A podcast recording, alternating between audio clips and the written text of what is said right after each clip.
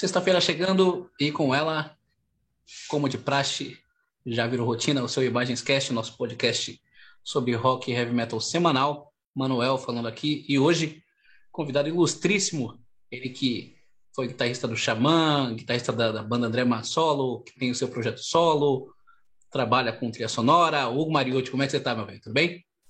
Tudo bem? Prazer estar participando aí. Obrigado pelo convite. Prazer é nosso. Uh, pedindo licença para o Hugo antes de começar, para pedir para você se inscrever no canal se você não é inscrito. Você que é inscrito, ativa as notificações para não perder nenhum dos nossos envios. É, já deixa o like adiantado, que o papo vai ser bem bacana. Nos seguir nas redes sociais e se você puder e quiser contribuir com o nosso trabalho via Pix. Beleza? Hugo, quando a gente estava conversando para tentar achar uma data para marcar essa, essa, essa entrevista, você falava que estava trabalhando quase que todo dia com um lance de trilha sonora. Como é que é esse lance aí para ti? Você trampa bastante com trilha sonora já faz tempo, não? Faz, quer ver? Acho que faz uns quase 10 anos já que eu, que eu trabalho tanto com trilha para comercial e filme, né? Muita ah, coisa legal. de filme também. É. Então é um trabalho que durante a semana assim eu tô sempre envolvido nessa pandemia até fim de semana tudo porque né a gente parou com muita coisa, né? Mas esse foi um mercado que acabou acabou tendo bastante trabalho assim durante a pandemia também. E como é que você considera a sua linha? Eu tenho mais ou menos uma ideia porque recentemente você postou uma colaboração, uma collab de um cover do Nine Inch Nails e The hum. Hand That Feeds. Então você é mais na linha John Williams ou você é mais na, na, na pegada do Trent Reznor? Cara, para falar a verdade, é assim, é... quando você trabalha com, principalmente com comercial, né, com, com coisas de comercial de TV, você tem que ser um, um cara bem eclético, na verdade, Sim. porque, né, é, não vai aparecer funk, vai aparecer disco, vai aparecer indie, vai aparecer de tudo, né? Então, assim, é, foi uma coisa que, como músico, assim, me ajudou demais, cara, é, criar outros estilos, né? É, tá envolvido, saber da, da linguagem, né? Às vezes a gente fala, ah, pô, isso aí é fácil, né? Isso é só fazer não sei o quê. E, na verdade, quando você entra de verdade no estilo ali, você começa a ver umas particularidades que se você não está por dentro, né, você não vai se ligar. Então, assim, é, eu aprendo muito com tudo isso, cara, com vários estilos diferentes, né? Mas se fosse para falar uma linha assim de, de, de, de, trilha sonora de filme, né, que já é mais, né, um, um, trabalho um pouco diferente, eu gosto muito do trabalho do Trent Reznor mesmo, eu gosto do Johnny Greenwood também, é, gosto do Thomas Newman, então tem, tem, tem muitas coisas legais, assim, né? Aliás, fica a recomendação para quem ainda não assistiu a colaboração que ele fez com, com o pessoal do Remove Silence, né? É, a música The Hand That Fits, que é uma das minhas músicas preferidas do Nine Inch Nails. E curiosamente, cara, eu tava reescutando esse disco, With Teeth, que é meu disco uhum. preferido deles, cara. Eu tava escutando assim direto. E aí, do nada, eu vejo que vocês é, gravaram uma colaboração, um cover dessa música, é, ficou eu... bem bacana. É, esse disco é bem legal e, e, a primeira vez que eu vi o Nine Nails ao vivo foi na turnê desse disco, né? E foi uma coisa impactante, assim, cara. O show é uma coisa visualmente, o, também impacto visual e sonoro do show, assim, é uma coisa bem, bem forte, assim, é muito legal. É maneiro mesmo. Bom, a, obviamente quem está aqui para assistir essa entrevista é, pode ter ficado surpreso com o começo da entrevista, a gente falando sobre música alternativa, porque a maioria dos fãs aqui quer saber um pouquinho, obviamente, do novo disco do Xamã. Então, queria já, já de cara para ti para perguntar o que, que você pode contar sobre o novo disco do Xamã. A gente entrevistou o Alírio Neto há pouco mais de um mês, dois meses, não sei. E ele contava que, na época, o disco estava pronto. Ia ser gravado, mas as músicas já estavam prontas. Então, acredito que você já sabe bem qual que é o direcionamento musical que esse disco vai tomar. Então, o que, que você pode nos revelar a respeito dele? Eu sei que ele já tem nome, não sei se você pode falar qual o nome, mas se não pode, o que você pode falar a respeito dele? Então, na verdade, é, é engraçado, né? Porque quando você está envolvido num, num, processo de composição, de gravação num disco, é, você até tem mais ou menos uma ideia de como vai ficar, mas você não tem a ideia de se está parecido com alguma coisa, se não está. Eu lembro que na época que a gente lançou Reason, que eu achava assim, tipo, lógico, era um disco, é, eu achava que era um pouco diferente do Ritual quando, quando a gente estava gravando. E daí, depois que ele ficou pronto, depois que a gente ouviu, eu falei, nossa, é muito diferente, né? Então, Bastante. Então, quando você está envolvido, é a coisa que você menos pensa, né, cara? Tipo, mas assim, é óbvio que vai ter características do xamã, porque né, ainda somos os três, né? É, o, o Alírio também contribuiu bastante, então já dá um, uma coisa um pouco diferente, porque é uma outra ideia, uma outra visão, né? Mas é muito parecida com a nossa também, né? Então acho que casou muito bem e assim ter o produtor que fez os, né, os dois primeiros discos também ajuda bastante assim nesse processo, né? Ele é um, foi um cara que é, ele sempre ouvia e falava assim, puta, isso é muito xamã, né? Ou isso daí é diferente de que vocês já fizeram, tal, tipo, né? Ele sempre comentava alguma coisa assim. Então a gente sim, a gente está super satisfeito assim com todo com todo o trabalho de, de como foi feito, né? É, já gravamos praticamente tudo, né? Agora é só falta vai falta a parte de mixagem e tal, que é um processo que demora um pouco também.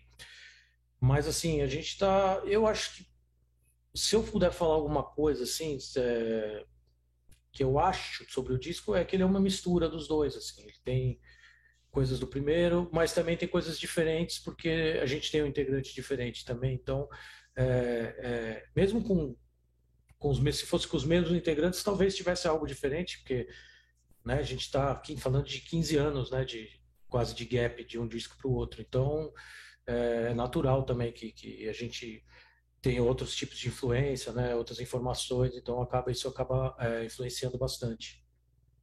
É, existe alguma previsão para o lançamento dele? Você sabe, não? Cara, a gente pretende lançar ele no, no, no ano que vem, no começo do ano que vem. Né? Beleza. Que já é um cenário que vai estar, tá, é, entre aspas, normalizado, né? Mais, mais perto do normal, né? E... Porque é triste, cara. Muitas bandas que lançaram discos sensacionais acabaram perdendo o lançamento do disco, né? Tipo, o próprio Não conseguiram tocar, fez... é. Sepultura fez um disco excelente, é, e, cara, bem na hora que os caras iam começar a turnê, aconteceu tudo aquilo, né? Não, é, é, é não, não faz mais sentido. Perde, é, não que você perde, né? Tudo bem, mas assim, uma tour um ano e meio, dois anos depois do disco ter sido lançado, é diferente do que se fosse um mês depois, dois meses do disco lançado. Não, não. Né? Então... Faz total mais sentido lançar mesmo no ano que vem, que já dá para emendar é. com uma série de shows para divulgar exatamente, o disco. Exatamente. E falando ainda sobre essa nova formação do Xamã, é, como você disse, tem um novo integrante. E é um integrante que ele entra por uma circunstância que ninguém gostaria que tivesse acontecido, né? Então, eu queria saber um pouquinho de bastidor, o quão difícil foi tomar a decisão de continuar após a, a, a, a precoce partida do André, né? Porque se eu que sou fã, eu, porra, sofri pra cacete, cara. Fiquei muito triste. Todos os fãs ficaram extremamente tristes. Foi como ter perdido um amigo, cara. Porque e, e olha, eu vou falar para você. É, fazia um tempo que eu não. Como eu disse, eu curto Nine Inch Nails, eu curto outras coisas fora do heavy metal, então fazia um tempo que eu não me inteirava assim no som do André Matos. E quando ele veio a falecer, cara, eu me dei conta do quão presente esse cara é na minha vida. O quão presente vocês são, mas principalmente o André é na minha vida. Então eu queria saber de você, cara, como é que foi esse período, quão turbulento, quão sombrio foi e o quão difícil foi tomar essa decisão de seguir por parte dos três remanescentes? Então, é, é, é, como você falou, né? Foi, foi uma comoção, né? Quando aconteceu o lance do André, porque o André é um cara que estava desde né, antes dos anos 90, é, e assim, todo mundo que cresceu ouvindo heavy metal no Brasil, né, é, gostando ou não, conhece, conhecia o André, entendeu? Gostando dele ou não, o cara sabia quem era o André Matos, né? Então, era uma figura assim. É, talvez a maior né, de, do, do heavy metal nacional.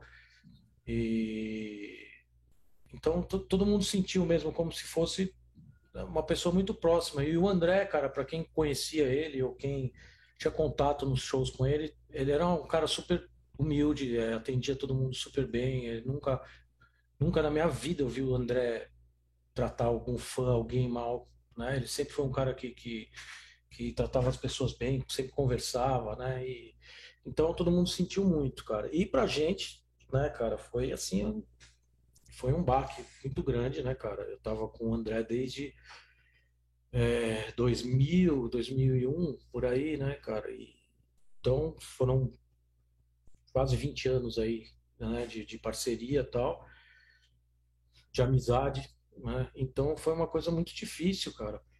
Mas é, o dia que me deu o start, assim, de, de, eu começar a pensar em alguma coisa, foi eu lembrar de uma conversa, uma das últimas conversas que a gente teve sérias, não, é, quando a gente estava para ver, para voltar a turnê do Xamã, para a gente fazer tudo, né?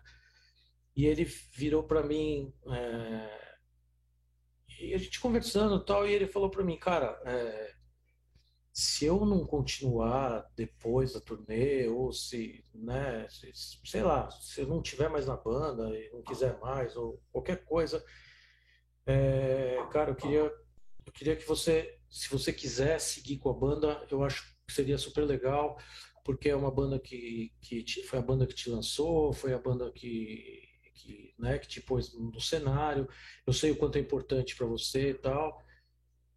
E, cara, e eu fiquei com isso na minha cabeça, né, cara? E assim, não tem um aval melhor do que esse, né, cara? tipo, né? Então, é... a gente, para também continuar levando, né, todo esse trabalho né, que, que, que tá aí para todo mundo escutar, todo mundo conhecer mais e, e valorizar, né? Eu acho que seria até injusto a gente parar de tocar essas músicas, de, de né, das pessoas né, poderem curtir essa música ao vivo, etc. Não foi fácil, cara, é, chegar num. de pensar, falar, vamos seguir. Mas, cara, eu acho que foi a coisa certa, assim, e, e eu me sinto super à vontade porque né, eu tive essa conversa com ele, né? Então é uma coisa que, que sabe, que me deixa mais tranquilo para poder poder seguir com tudo isso. Entendeu? Legal, cara. E é, eu lembro do, do, do, André falando, acho que foi no Heavy Talk pro Moita, que ele tinha passado o nome do Xamã para você, porque ele sabe que para você isso tem um significado, um significado muito maior do que para ele. Então eu imagino o quão significativo deve ser para você manter esse legado. É, cara, porque eles já tinham outra, outras bandas é, de sucesso anteriores, sim, né? Sim. O André já tinha o Viper o Angra, o Luiz e o Ricardo já tinham o Angra também. E eu fui a banda que, apesar do. Eu, cara, eu comecei a tocar profissionalmente em 1990. Né? Nem todo mundo sabe disso. Eu tal, conheço teu trampo com Hansefor, que é muito é, bom, então, bom, por sinal. E antes ainda eu tinha uma outra banda de trash, que foi uma banda que eu comecei a tocar nos bares aqui com 15 anos, né? E assim, eu já vi até gente falar, nossa, caiu no seu colo esse negócio do xamã, tipo, caiu do céu. Né? Os caras não sabem, né, como é que é, é, até você chegar nisso, né? Até eu chegar nesse ponto. Enfim, com certeza tem uma dose de sorte por eu ser irmão do Luiz e ter essa proximidade, né? Mas acho que nada só com sorte você consegue, né? Você tem que ter alguma coisa que, que te faça, né, conseguir aquilo lá. Enfim, e aí, cara, é, foi a banda que me projetou, né? Então, e, cara, quando a gente se separou naquela época, assim, todo mundo ficou muito mal com, com essa história, sabe? Porque era, era uma coisa que a gente sempre tratou com muito carinho, assim, cara. A gente fazia todos, tudo de tudo na banda, né? Então, ele sabe mesmo como, como era importante para como é importante para mim, né? E, mas assim, cara, eu é, isso é uma questão de só para a parte legal, porque eu não considero né, patrão dos caras. Que, de jeito, de maneira alguma, muito pelo contrário, cara, a gente né, a gente quer fazer as coisas cada vez mais todo mundo junto, porque acho que a gente já passou por muita coisa na vida e a gente sabe que, que as coisas só funcionam né, com todo mundo remando para o mesmo lado, entendeu? Fazendo as coisas da, né, sem vaidade, sem nada, porque né? É, é esse tipo de coisa de, de, não leva a nada, só leva a um desgaste e, tudo mais. Isso aí. Sobre o Alírio Neto, substituir o André Matos é uma missão muito difícil, não só pelo músico que o André era, pelo cantor que o André era, mas pela fanbase que o André tem, né? O cara sempre vai chegar com uma certa desconfiança em qualquer que seja das bandas. O Edu Falasca passou por isso no Angra, o Thiago Bianchi passou por isso no próprio Xamã. Então, eu queria saber como é que você se acha, que, como é que você acha que ele tem se saído, é, e se você acha que além de reproduzir as linhas do André, como é que ele tem feito isso, obviamente, como é que você acha que ele tem reproduzido as linhas do André, mas além disso, você acha que o Alírio consegue acrescentar alguma coisa ao legado do Xamã, que já é gigantesco? Se sim, o quê? Sim, cara. O, primeiro, respondendo se ele consegue acrescentar, sim, o Alírio é um cara que tem bastante ideias também, cara, são ideias que, uh, que a gente não tinha, né? São, ele é um integrante novo, e ele veio com músicas, veio com letras, veio com, com um monte de coisa, né? É, então ele é um cara que acrescenta bastante mesmo. É, um outro aspecto que eu acho muito importante é que o Alírio sempre respeitou demais o André, né? É, eu acho que isso é o, é o fundamental, eu acho que para tudo, né? Até para ter uma aceitação da base de fãs tal, é mostrar o respeito, assim. E não é o respeito, ah, vou falar só por falar, entendeu? Ele realmente admira o André, entendeu? É, é, e ele nunca entrou numas de tentar, ah, ah, eu vou fazer aqui isso. E a gente deixou ele livre para cantar as músicas da maneira dele, né? Porque né, se a gente apostou nele, é porque a gente gosta, né, dele cantando do jeito, né, que ele tem. Óbvio que ele tenta fazer as coisas na, na o mais fiel possível e consegue fazer muito bem. E mas com certeza o, estilo dele é diferente, um pouco diferente, né? Ninguém vai ser igual. Qualquer um que entrar é, em qualquer banda vai ser diferente. Você vai tirar um baterista e botar outro, vai ser diferente. Você vai tirar um baixista e botar outro, vai ser diferente, né? Alguma coisa vai ser diferente. Às vezes o vocal aparenta mais essa diferença porque é o que está na, na linha de frente ali, né? Para você escutar. Então é, mas assim, ele encaixou super bem, não só na parte musical, mas também na parte pessoal com todo mundo, entendeu? É um cara que a gente se dá bem muito com ele, a gente tem uma relação muito legal. É, é um cara muito legal mesmo e que também já passou por muita coisa, né? Então, é, longe dele ficar deslumbrado com alguma coisa, ou, né? Porque às vezes acontece, se você pega uma pessoa com menos experiência, a pessoa né, pode deslumbrar, né? E é o que é normal, cara, não é porque é, é uma coisa diferente, né? Mas ele, né? Ele é um cara super também tranquilo, então assim acho que a gente está se dando super bem, a gente fez um acertamos na escolha, assim, né? E é que eu te falei, acho que além de cantar, além de trazer ideias, tudo, é um cara que sempre respeitou muito o André. Então, isso é muito importante para a gente também. Legal. É, eu quero voltar agora um pouco no tempo e falar mais sobre o começo do Xamã.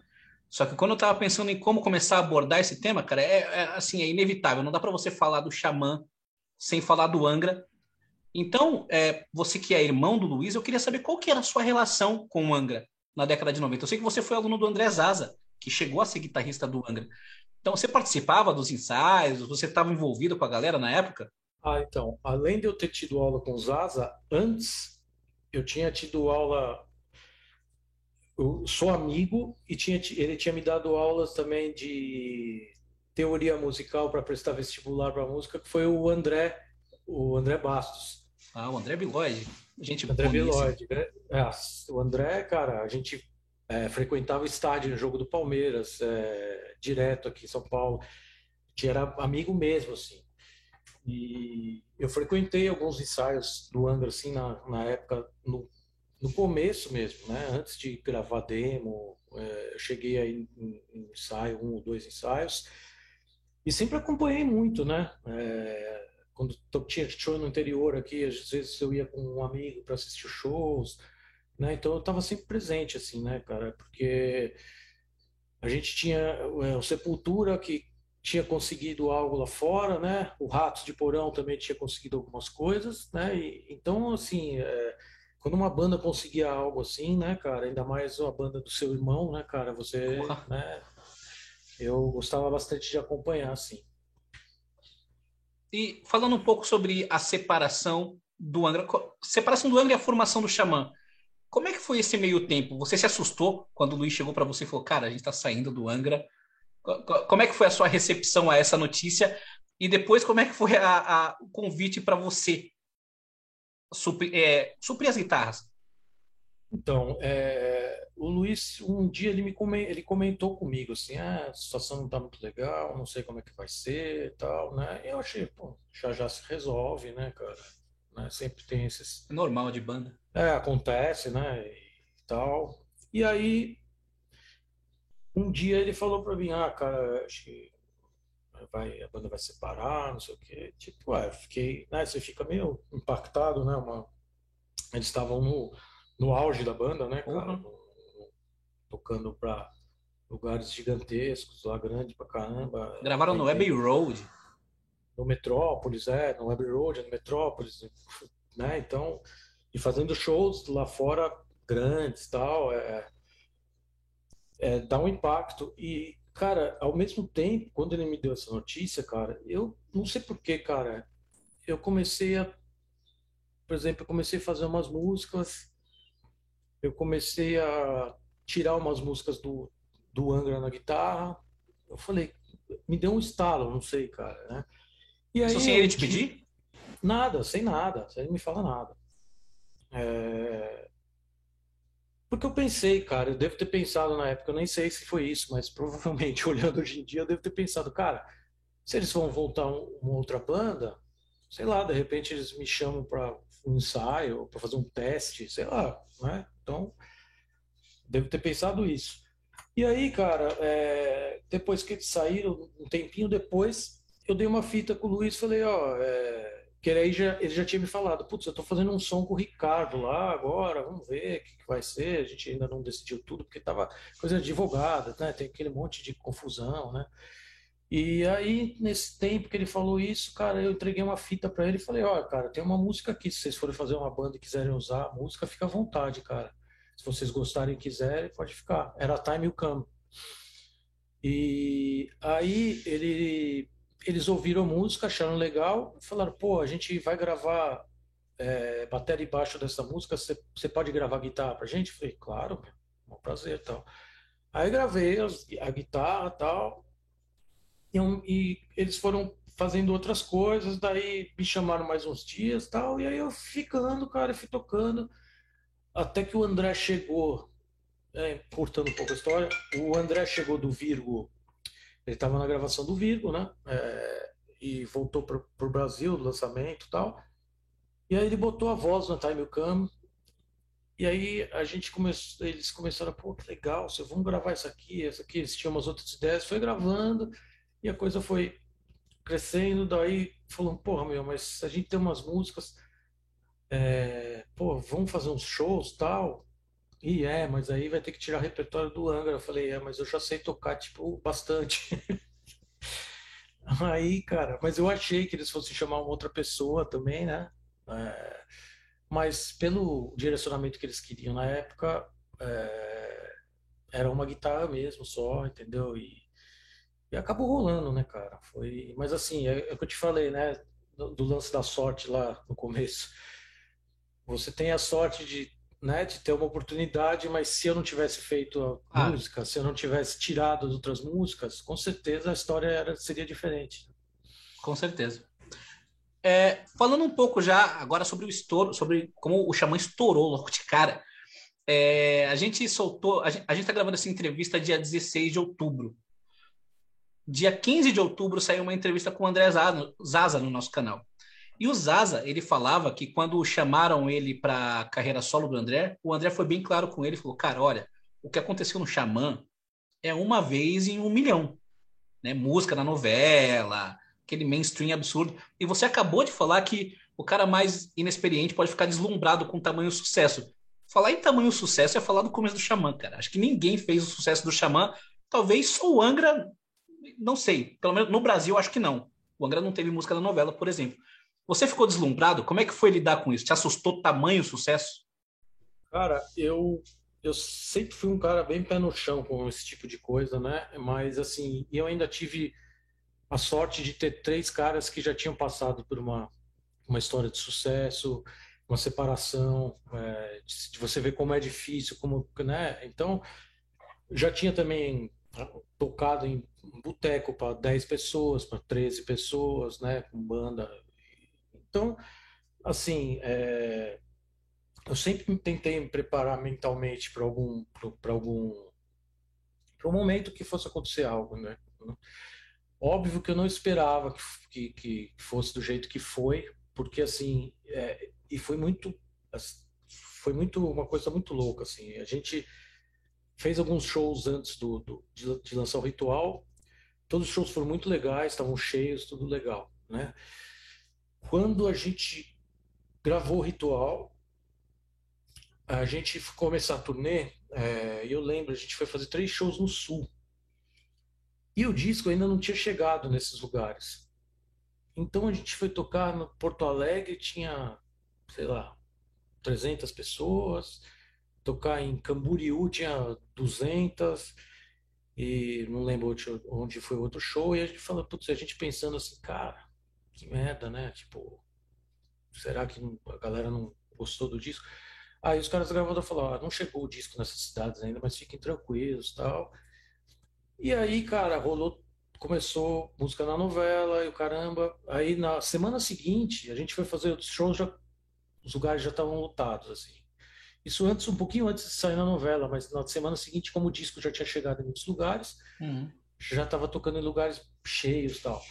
Quando saiu a música na novela, aí foi realmente uma coisa assim, é, foi uma é uma loucura, assim, cara. Eu lembro que a gente foi tocar em Manaus uma vez e a gente estava andando para ir num restaurante e tal. E alguém, não sei se alguém comentou que a, a banda que estava na novela, não sei. Cara, uhum. as pessoas da, da, cidade começaram a andar atrás da gente, assim, cara. Você olhava para trás, assim, as pessoas estavam vindo atrás. E. É, e lugares que, cara, se chegava ao hotel, assim, cara, a recepção do hotel tava abarrotada, assim, para fora do hotel, gente esperando tal é uma coisa que você não espera com heavy metal aqui no Brasil, né, cara? Então foi uma coisa realmente fora de proporção. É... Também por causa da novela, com certeza, né, cara? Porque é, você, você, acaba, né, você acaba entrando num, entrando em casas que você não entraria normalmente, né? Eu lembro quando a gente foi tocar no Altas Horas lá, anunciaram a banda Xamã tal, e beleza, o pessoal aplaudiu, mas né? Acho que ninguém conhecia. A hora que começou a tocar a música, que o pessoal assimilou que era a música da novela, você ouvia os caras dizer, ah, sabe? Então é, é uma coisa muito louca, assim. Mas assim, eu, em relação a isso, eu, eu sempre fui muito tranquilo, assim, então e aprendi muito com eles também, porque eles não são assim também, né? Deslumbrados nem nada. Então é, seria até esquisito, né? Só eu ser deslumbrado, eles não. Falando sobre a coroação, do ritual, que é, obviamente, o ritual live. A cada 10 pessoas, 11 afirmam, entre elas eu, acho que você e a torcida do Flamengo e do Corinthians, que é o melhor live de uma banda de heavy metal nacional já gravado. A que você atribui, assim, ter dado tão certo? A banda parece tão afiada e a banda não estava junta, sei lá, 10 anos. É, era uma banda meio que recém-formada. É. E, e vocês tocando assim perfeitamente o disco. A que, a que, que você atribui isso? Cara, é, a gente já estava fazendo shows, né? Mas como você disse, não era nem um, não era nem o centésimo show da turnê, né? Era um show do meio da turnê. Eu acho que, cara, é, a gente ensaiou bastante sempre, né? Assim, e, e todo mundo tava numa forma assim muito boa. E, cara, eu acho que o DVD, o Ritual Live é uma conjunção de coisas, assim, que também é aquela coisa que você não tem como explicar, né? Então, assim, a gente chamou alguns convidados, é... aí na mesma semana o Halloween ia estar tá divulgando o CD deles aqui, a gente uma semana antes soube disso, chamou os caras, os caras aceitaram fazer a participação hum. no show. Então são aquelas coisas que vão, sabe, cara, é... o astral tava muito bom, a gente estava muito confiante, tudo. Então, é, e a gente investiu é, muito tempo, né, dinheiro também, mas assim, na edição do DVD, é, cada detalhe, assim, a gente se preocupou muito com tudo, sabe, cara? Porque a gente queria entregar algo realmente é, que as pessoas pudessem, né, cara, ver e falar, porra, cara, né?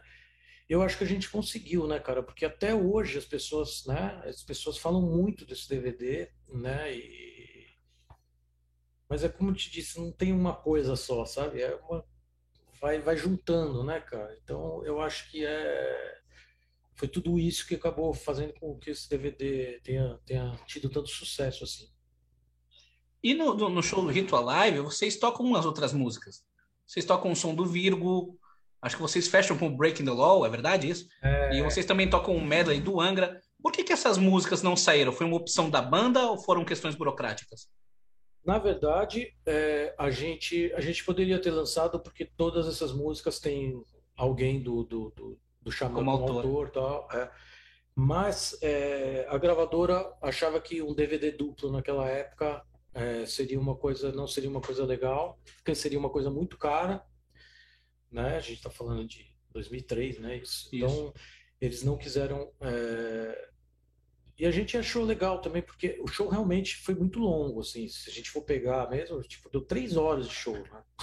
Caramba praticamente. É, porque teve muita, muita coisa que não foi. Teve Viper que não foi pro DVD, teve esse medley do Angra, teve deve ter tido um Virgo, teve um Virgo, teve o, o cover.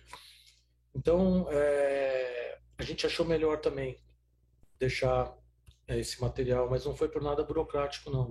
Não, não teria porque foi uma escolha, a opção da gravadora mesmo, porque o valor seria muito caro naquela ah, época do DVD. Entendi. entendi. E na, na Breaking the Law, é verdade que aconteceu que os instrumentos estavam afinados em afinações diferentes e acabou ficando bem ruim a versão. Na verdade, não eram todos os instrumentos que estavam afinando diferente, era do Sasha, a guitarra do Sasha. Putz. É, porque tocava todo mundo junto, né? E a, como a, a Carry On é uma música que foi gravada originalmente meio tom abaixo. Lá bemol, é. É, na, na, no disco. Então a gente reproduzia igual o disco, a Carry On. E alguém esqueceu de avisar o Sasha que a gente foi emendou da Carry On, não ia parar para trocar instrumento tal, então aí só entrou quem não estava no palco com as coisas que já estavam lá e vamos embora. Só que ninguém avisou o Sasha e entrou com a guitarra, a guitarra desafinada. Mas seria simples fazer isso, era só baixar o canal dele depois da mixagem e tudo bem, porque era só dele que tava. É que, dá uma sensação, é que dá uma sensação, cara, com uma guitarra desafinada no meio de um monte, parece que tá tudo desafinado, né? É, é a impressão que dá. Exatamente. Vamos lá. É, partindo agora pro Reason, geralmente quando um disco faz muito sucesso, o natural é que você repita a fórmula por uma questão mercadológica, né? É assim que o mercado funciona hoje, né? A gente pensa muito em fórmulas de sucesso. E quando um disco como o Ritual tem música da novela, tem um DVD irretocável, músicas que todo mundo conhece, é natural que você siga essa fórmula no segundo disco. É, não foi isso que vocês fizeram no Reason. Você acabou de falar que vocês não, você não se dava muito conta exatamente disso e só foi ver depois que já estava gravado. É, mas depois de gravado e vocês já com, com, com, com o produto final já, vocês pensavam em como o público ia receber isso? Caramba, esse pessoal, isso está bem diferente. Acho que o pessoal vai achar meio estranho. Tiveram receio? É, cara, eu acho que não. Se a gente tivesse esse receio, a gente nem faria algo que a gente pudesse achar que tivesse um pouco diferente. Óbvio que eu sabia que estava um pouco diferente, né? Tipo, não tem como, né, cara? Se ouvir uma música e falar, não, isso... mas como eram, como éramos nós tocando aquelas músicas, cara, você acaba achando mais parecido, enfim. Só que eu acho que assim, cara, um artista ele não deve ter medo assim de, de, de que, que o público vai achar. Eu acho que é, o principal, é, como você disse, né, era muito mais fácil a gente fazer um ritual 2 e beleza, continua. Mas não era o que a gente queria fazer na época, né, cara? A gente deixou fluir o negócio e saiu o que saiu, entendeu? Eu acho que é é, goste ou não, é um disco bem verdadeiro, né? Tipo, muita gente na época que não gostava, hoje em dia gosta bastante do disco, né? Então, é... eu acho que medo é uma palavra que eu realmente não tenho assim, medo de, de, de, de desapontar ou de. Eu tenho medo de lançar algo ruim, mas algo diferente eu não tenho, não tenho medo, não. Eu acho que é, eu acho que é até saudável, cara, para para quem escreve, para quem escuta, né, cara? Porque sei lá, mas eu respeito também as bandas que, que mantêm a fórmula, que, que, né? Porque se aquilo lá é uma verdade deles, não tem por que mudar claro. também. Né? Eu, eu lembro eu lembro que eu gostei bastante na época e eu gosto mais hoje. Eu acho que ele envelheceu melhor do que o Ritual. A sonoridade dele envelheceu melhor. É, eu lembro que eu li na época, não me lembro se foi na cover guitarra ou na guitar player, uma entrevista sua na qual você falou que para gravar você botou uma corda de baixo no misão e na corda lá você botou o mi, na corda ré você botou a lá e foi assim, cara. Foi porque tinha algumas músicas que tinha afinação baixa, né? É, tinha, ah, por exemplo, a Turn Away é uma música que é afinada em dó. Em dó. A More é uma música que é afinada em dó. E a Born to Be. Em si? Eu fiz um. É em si, só que é, assim, é engraçado, porque eu fiz um teste na guitarra. Uma vez eu estava tocando um negócio em si e só desafinei as três cordas mais graves, cima. né? De cima, é. E as outras ficaram na afinação normal. Aí eu fui tocar um negócio de brincadeira e eu toquei, não, não. Falei, nossa, tá desafinado, mas ficou legal. E aí eu achei aquele riff lá, o riff inicial da música uhum. foi dessa forma, entendeu? Eu tava tocando numa guitarra desafinada e, e aí eu deixei essa afinação. Na verdade, ela é como se fosse uma guitarra de sete cordas, mas sem, hum. o, sem a corda ré, entendeu? Sem a sétima então, corda, no caso. É, não, na verdade, sem a, a é porque ficou si, mi, lá, ah, sim, sim, sim, sim, sim, saquei. Ficou sem a corda ré, a do meio. Entendeu? Foi isso que aconteceu. Nossa, bicho. E aí, cara, quando a gente começou a gravar, eu comprei umas cordas mais pesadas tal. E mesmo essas mais pesadas, elas estavam ficando moles ou desafinando tal. E aí eu tive a ideia de pegar um, uma corda do baixo, é, acho que era o ré do baixo, e botei ela no misão e botei o resto do jogo, né, uhum. tipo, uma para baixo. E, e descartei o mizinho. Então ficou tipo uma. Era, era uma coisa híbrida lá maluca, mas que funcionou bem, assim, que pelo menos deu. Porque assim, ainda na, né, na gravação, a gente gravava em rolo, né? Em fita de rolo nessa época. Analógico. Então, é, então a edição não era igual o que você faz no Pro Tools. Ah, pega daqui, põe para lá. Não, é.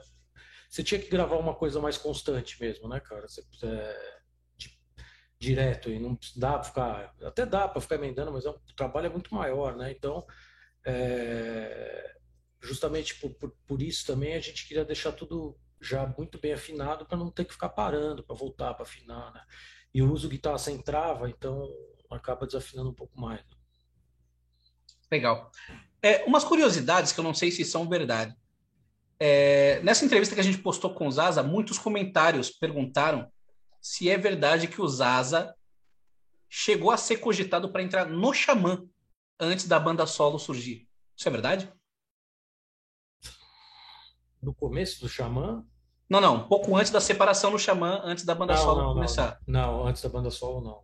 Ah, tá. Não. O convite veio bem depois da, da separação mesmo. É, o convite veio logo depois é, que separou. Aí a gente começou já a trabalhar, né? A gente não quis parar, né? Porque a gente tava, tinha as ideias, tal, tava fazendo as coisas. E aí quando o André falou, putz, é, tem umas coisas aqui que seria legal fazer com duas guitarras. É, e antes disso, na verdade, é, agora que eu lembrei, na verdade, é, foi a gente começou a fazer um projeto, tinha umas regravações de umas músicas do Angra na época, umas releituras. E aí a gente falou, puta, cara, vamos chamar um outro cara para tocar também, né?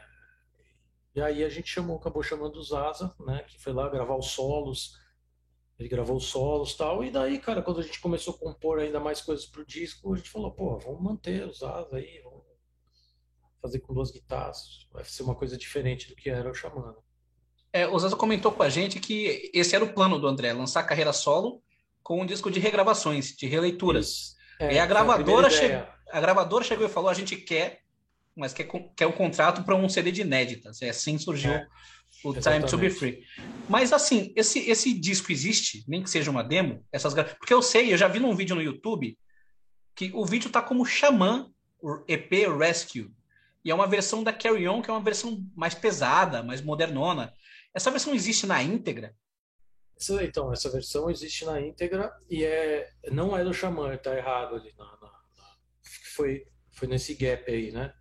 Que a gente começou, antes de começar a compor Time to Be Free, exatamente isso que o Zala falou. A gravadora, a ideia o André queria fazer, pô, para lançar minha carreira solo, vou tentar lançar, vamos fazer umas músicas, né? Era, era o que ele tinha combinado com o Paulo, que estava empresariando ele na época, nessa época da carreira solo, e eles acharam legal essa ideia tal. E a gente fez versão de algumas músicas e, e gravou duas músicas que a gente já, que a gente estava fazendo é, na época que eu tinha feito para é, na época que separou o Xamã. A gente até começou a trabalhar que era Rio e a Rescue.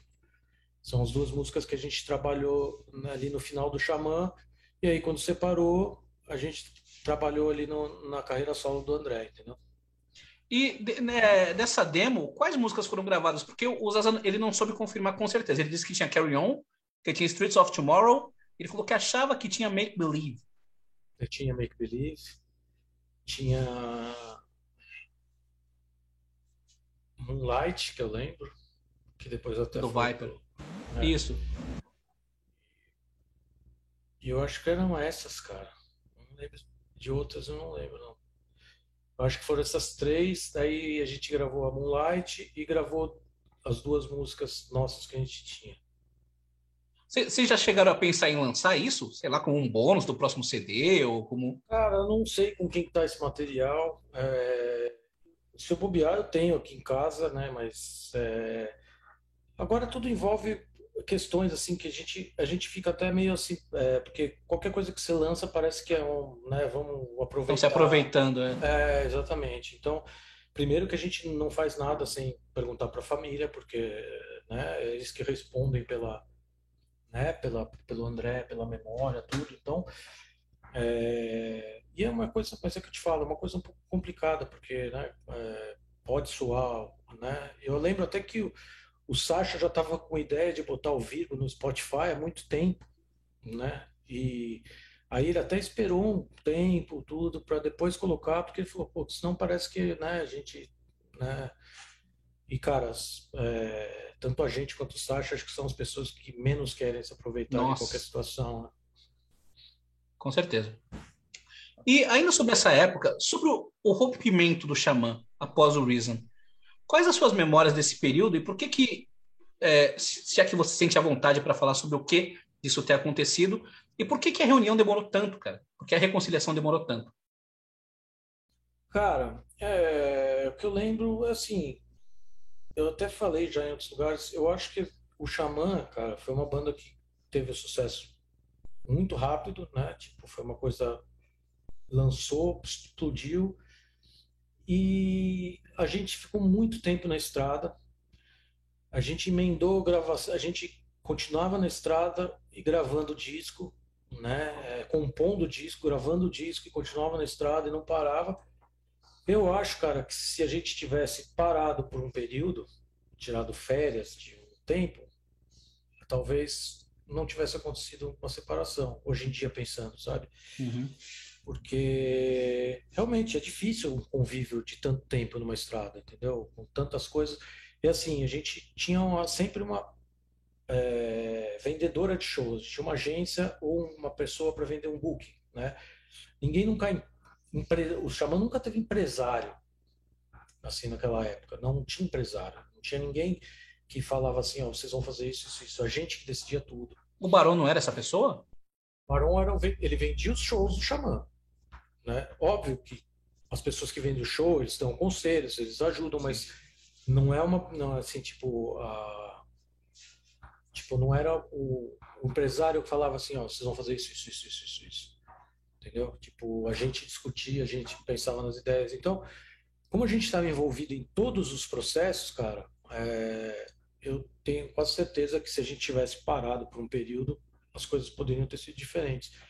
Mas foi, já, já passou, né, cara? E demorou porque cada um tinha suas coisas, né? Tipo, o André teve a carreira solo por um tempo, aí a gente.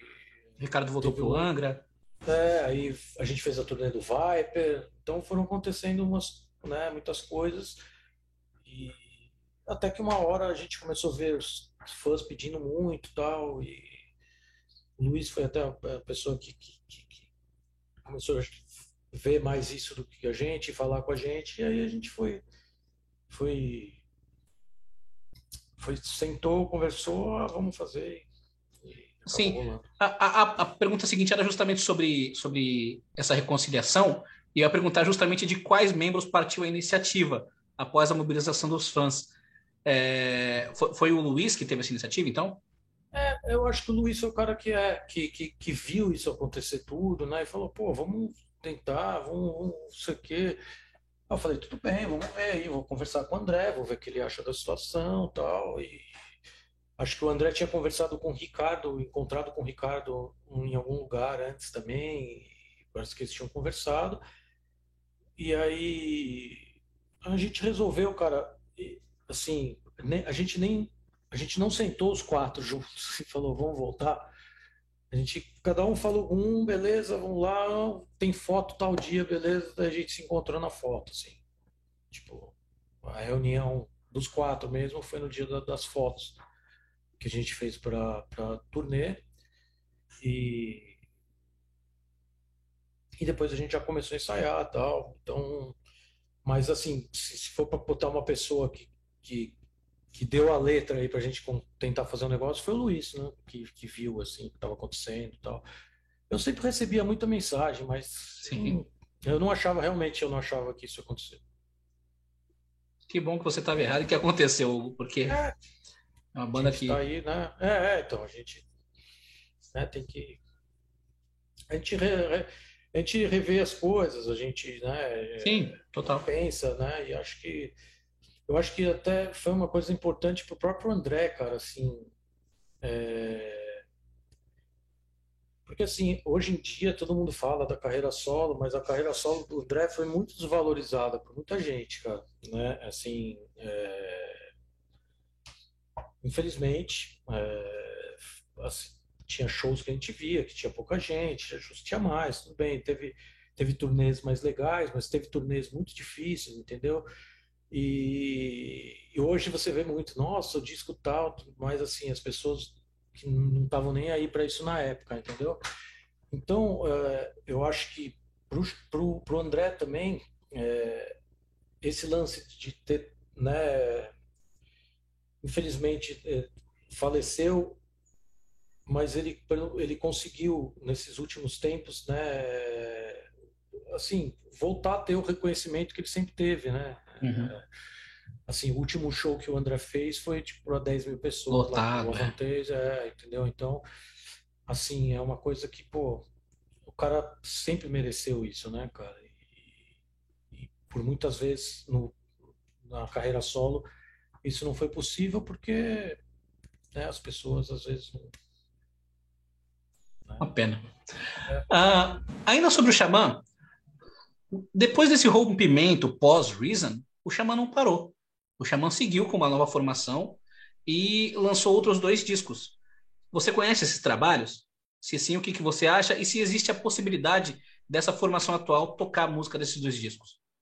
Cara, é uma coisa que a gente nunca conversou, isso de tocar essas músicas. É... Eu, para ser sincero, não conheço. Eu não, assim, foi uma fase muito difícil para mim, né? Nesse, em alguns momentos desses, desses anos de separação, assim, principalmente no começo. E é uma coisa que, assim, eu não ouvia porque não me fazia bem. Eu, cara, conheço o Léo, né? o Léo, cara super legal, conheço o Thiago, conheço, né? Então, assim, é... tenho certeza que tem são coisas de qualidade, né? Eu não jamais falaria algo diferente. Mas assim, eu realmente eu não conheço, assim, eu não, não ouvi muito porque é uma coisa que me leva para uma época que, que eu não gosto muito de lembrar, entendeu? Foi uma época que foi difícil, assim. Mas assim, se a banda quiser tocar, por mim, que bom. Se, é, tem, se tem a maioria quiser. é, tem muita gente que, que gostaria de ver isso acontecendo. Que bom que as portas estão abertas, pelo menos, para isso acontecer.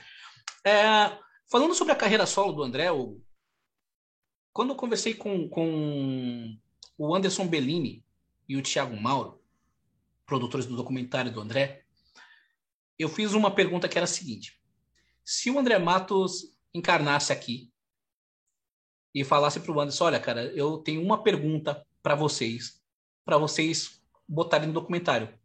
Algo que vocês não. Que, que, enfim, meu falecimento não deu oportunidade, impediu vocês de me perguntarem.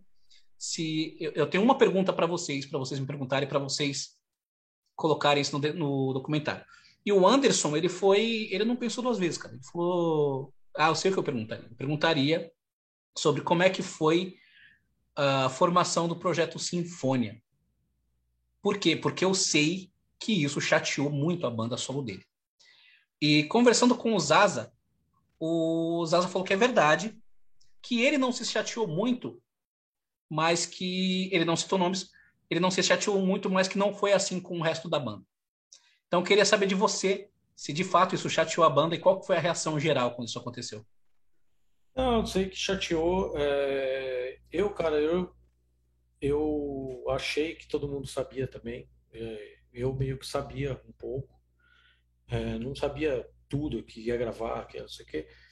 Mas assim, cara, eu tinha outra banda também na mesma época. Não, Remove Silence. Então, é, então assim, cara, eu por mim, né, é normal as pessoas teriam outra banda, né? É, eu, então eu fiquei, eu não tive muito problema com isso, não. Inclusive eu até fui no show deles aqui em São Paulo, tal. E... É, cara, é, é, eu acho que é porque como a banda era André Matos, né, cara? É, é, tudo bem, é, é, quem ficou chateado eu entendo também, porque era uma coisa que ele gerenciava, né? Então, assim, não é uma coisa que dá para o resto gerenciar, né? E daí você vai parar um trabalho aqui para outro ali, entendeu? É, é complicado, entendeu? É complicado mesmo. Mas, assim, eu, por ter outra banda também, eu acho que não, não tinha muito direito de falar outras coisas, entendeu? Então, por mim, eu acho não teve, para mim não teve muito problema, não. Legal. É, durante a banda do André Matos, o, um, um episódio que pelo menos me marcou bastante foi quando o Luiz Mariucci saiu. Eu fiquei meio, caramba, por que, que isso aconteceu, cara? Logo Luiz. É, novamente, quais são as memórias que você tem desse período e como é que foi isso? Porque você não deixou de ser irmão do Luiz por ele ter saído da banda. Você continuou tendo convívio com ele. Como é que era isso? Ah, cara, eu acho que a gente tem que saber respeitar a decisão de todo mundo, né? Tipo, o Luiz estava cansado, o Luiz estava. A turnê, sinceramente, não estava sendo boa, né? Tipo, não. Né? E essas coisas né, afetam, né? O Luiz estava com, com, com, criança e. É, então, é, a gente tem que respeitar né? a, a vontade da, da, das pessoas, né? Eu acho que eu falo, sempre falei para ele, claro, você tem que fazer o que você acha que é melhor para você, não tem. Né? Isso aí é cada um, cada um sabe o que é melhor ou pior para a própria pessoa. É, mas era uma época que, que as coisas não estavam bem mesmo, né? Tipo,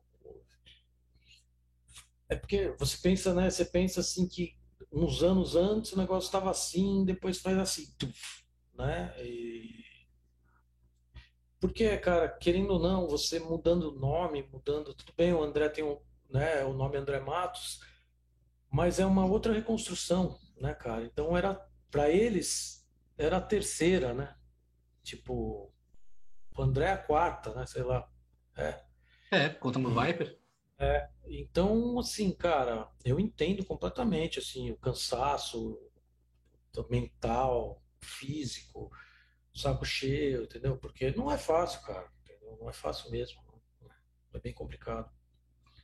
Ainda sobre isso, eu lembro que eu vi o Zaza falando, se eu não me engano, também foi no Heavy Talk, que a banda fez o Mentalize por amor. Aí eu perguntei é, sobre isso pro Zaza, e ele falou que ah, o André nunca se, se acertou com o empresário, que tinha muito problemas de, de, valorização mesmo, assim, era mal gerenciado o negócio, teve turnê que foi bem difícil de fazer, como, como você falou. Então, queria que você falasse sobre esses altos e baixos da carreira do André, porque eu sei, isso foi usado aqui, disse que no, no, no Time to Be Free tinha um orçamento da gravadora. No Mentalize, vocês já fizeram sem orçamento quase que nenhum, e vocês mesmos produziram, né? Então, como é que foram esses altos e baixos, e, e como é que vocês conseguiram manter a coisa seguindo por tanto tempo, porque vocês ainda lançam depois disso o The Turn of the Lights, que particularmente é o meu preferido. da carreira solo. Então, como é que foram esses altos e baixos e como é que o que, que você pode falar sobre a valorização da carreira do André? Por que, que o André nunca se deu com empresário? Em linhas gerais, como é que foi tudo isso? É, não, a questão não é nem que ele nunca se deu com empresário, né? É, mas assim, puta, cara, é impossível o cara ser ele se autoempresariar dessa maneira, né? Tipo que era. E, cara, e ao mesmo tempo ele não conseguia achar uma pessoa que, que fizesse isso de uma maneira legal, entendeu? Ele não se acertou com alguns. Até o Paulo começou, mas aí eles tiveram alguma divergência contratual, que foi porque sempre foram amigos tal, né? Então é, foi alguma coisa que não profissional que um não concordou e beleza, vamos seguir cada um a sua vida. E aí tiveram outras pessoas que começaram, mas também muito problema e enfim, eu, eu acho que sempre esse foi um problema da carreira do André e eu sempre conversava isso com ele, né? Eu falava, cara, a gente precisa arrumar uma pessoa para gerenciar tudo isso, para botar as coisas no lugar, para você ter cabeça para você poder fazer música, que é o que você faz, cara. Entendeu? Porque assim, a pessoa começa a ficar sobrecarregada e aí ela não consegue entregar nem a parte musical direito, entendeu? 100% dele, né? E, e foi isso que aconteceu por, por, por algum tempo. E o Mentalize, cara, a gente ainda teve mais um, um porém nessa história toda que assim, a gravadora queria o disco para setembro. É, com orçamento muito menor. E aí, cara, a gente estava fazendo uma turnê na, na, na, Europa nessa época, nesse ano, né? Que ia, e já estava começando a fazer umas músicas, tá bom, em setembro lançamento, então beleza, dá tempo. A gente estava no começo do ano. Aí a gravadora muda de plano e fala assim para André, ó, a gente quer o disco para maio. A gente falou, puta, mano, né, cara? Aí, né, é... mesmo se a gente tivesse orçamento, não sei se a gente ia conseguir pegar um produtor que a gente queria para fazer, porque estava tudo em cima da hora, né? Então a gente começou a produzir o disco, né? E é um disco, cara, que tem músicas muito legais e tem músicas que eu ouço ali que eu acho que são inacabadas, porque a gente não teve tempo. Eu tenho né? essa impressão. É, é, exatamente, cara, porque foi uma coisa assim, que pegou todo mundo de surpresa, os caras estavam irredutíveis, não, é maio, é maio, é maio, e aí acabou a gente tendo que lançar em maio. Então, assim, é, eu acho que também, como eu te falei, quando as coisas dão tudo certo, não é só um motivo, né? E quando as coisas não uhum. dão tão certo, também não é só um motivo. Muita coisa aconteceu, né? É... Esse lance da desvalorização que os empresários faziam dos músicos da banda, entendeu? Então, teve muito, muita coisa assim. E, e que eu sempre falava para André, cara, você não pode ficar cuidando, porque, cara, você vai ficar maluco, você não vai conseguir fazer direito essa parte e você não vai conseguir fazer direito a parte de administração. Tanto que no Turn of the Lights, o que aconteceu? A gente arrumou uma pessoa para vender os shows, isso já deu uma aliviada, e ele pode se concentrar um pouco mais para fazer o disco, né? E talvez por isso você ache, né, seja o seu preferido, é, porque a gente teve mais tempo para fazer, conseguiu estar tá mais é, envolvido no processo, e esse período mesmo do Turn of the Lights que a gente fez a turnê, a gente fez a turnê do Viper, daí emendou com a do Angels Cry, Turn of the Lights, Isso. que foi uma turnê que foi bem sucedida, entendeu? E, então é, foi esse período foi o, o, que até culminou no Rock in Rio e pra gente assim foi foi o melhor momento ali da banda solo em termos de turnê, de, de, de reconhecimento, tudo, justamente porque a gente tinha uma pessoa para cuidar dessa outra parte, entendeu? E aí, Mas aí depois... Pois é. Mas aí, justamente sobre, sobre o Turn of the Lights, como você disse, a turnê do Turn of the Lights era The Turn of the Lights e Angels Cry. Eu fui em shows, eu fui no show do, da, da, reunião do Viper e fui no show do Turn of the Lights em Santos. É, até por ser o Angels Cry na íntegra, rolou de, de vocês tentarem levar essa turnê para o Japão, porque, caramba, o Angels Cry ele é, se não o disco mais vendido, um dos mais vendidos de banda brasileira no Japão. Então, com certeza, a demanda existe lá. É, existiu essa conversa? Se sim, por que, que não aconteceu? É, então, eu não. É, existiu sim conversa. É, eu não sei também o porquê que aconteceu, porque assim, É, a gente lançou, o, inclusive o Turn of the Lights lá, lançou no Japão. um monte de bônus, é. Cinco bônus, sei lá. Da, da Wings of Reality. É, mas como, é, então, mas como eu te falei, a gente tinha, é, tinha uma pessoa vendendo shows, mas talvez essa pessoa não fosse uma pessoa que for, venderia shows, muita coisa para fora do Brasil. Poderia ter sido muito melhor explorado, também concordo com você, entendeu? Porque era uma turnê que tinha muito potencial e foi uma turnê muito legal e a gente fez muita coisa aqui no Brasil, mas realmente, cara, ela podia ter sido muito mais bem trabalhada, né?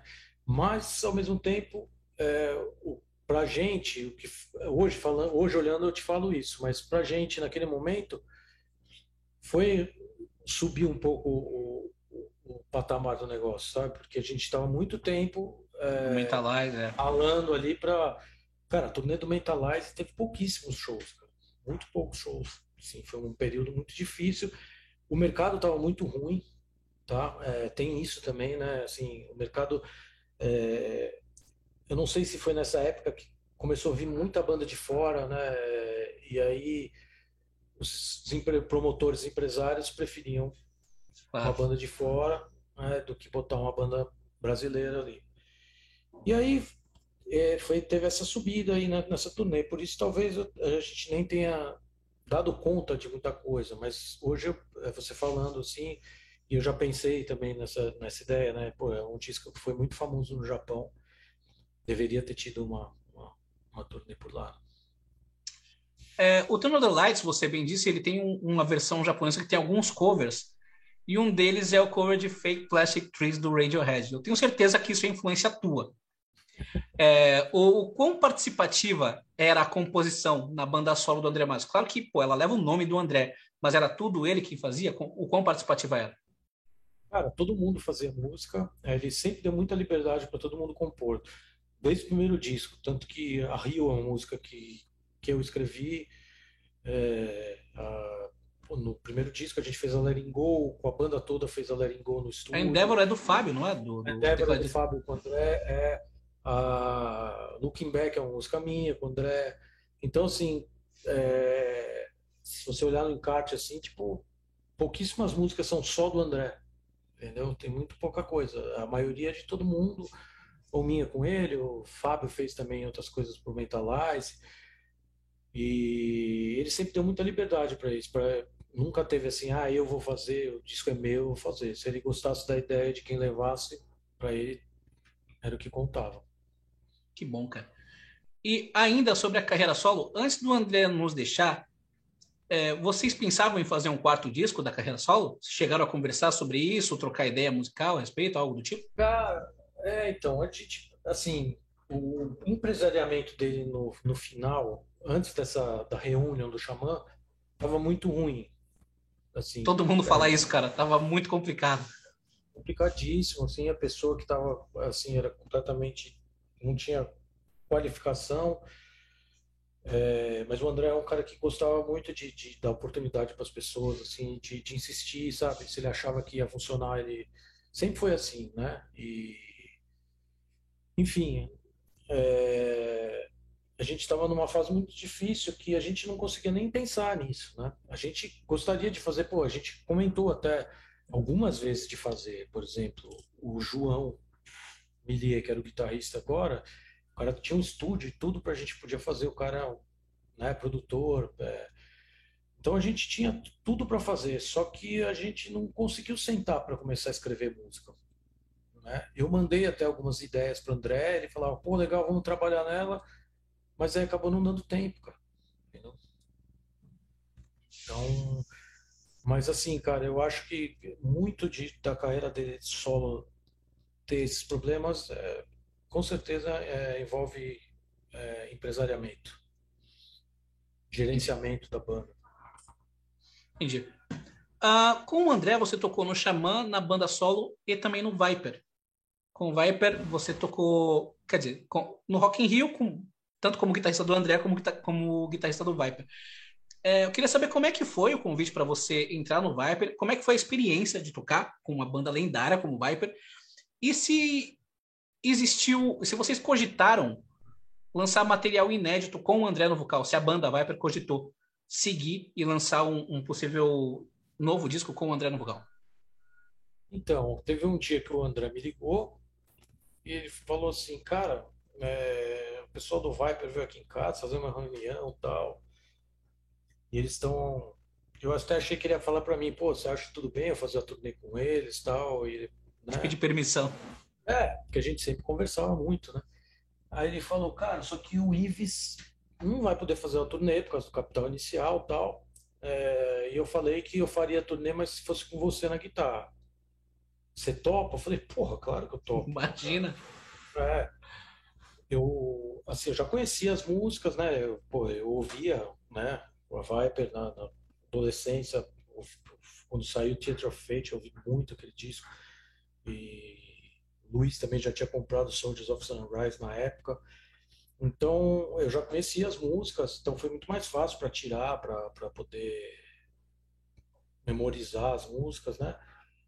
E foi uma puta experiência legal, cara. Eu sempre falo, porque eu, além de fazer uma turnê muito legal, tá numa banda que foi uma banda, uma das pioneiras aí, né? No, no, em levar para fora do Brasil, principalmente, né? A, né? Uma banda aqui, brasileira que teve oportunidade de lançar coisas fora no começo. É, eu tive, cara, eu criei uma amizade muito legal com eles, assim, sabe? Porque eu conhecia, eu conhecia lógico, assim, tipo, se conhecia de ver, oi, aí, tudo bem e tal, mas assim, durante a turnê, eu fiquei muito amigo deles, assim. Eu até sempre falo, cara, que eu tava num, num momento difícil da minha vida, pela época pessoal tal, e eles foram caras que me ajudaram bastante, assim, então eu tenho uma, assim, um carinho muito grande por eles sempre, assim, sempre vou ter. E além de poder fazer parte de uma turnê é, histórica, na verdade, né? Porque você via pessoas ali, na, grande parte das pessoas que estavam ali nunca tinham visto o Viper com o André, né? Que gostavam do verdade. Viper, mas jamais tinham visto aquilo lá. Né? Eu, por exemplo, só é. tive a oportunidade de ver com a Tia Olivia É, então, eu não tinha visto também até então. Olha só. Ao vivo, né?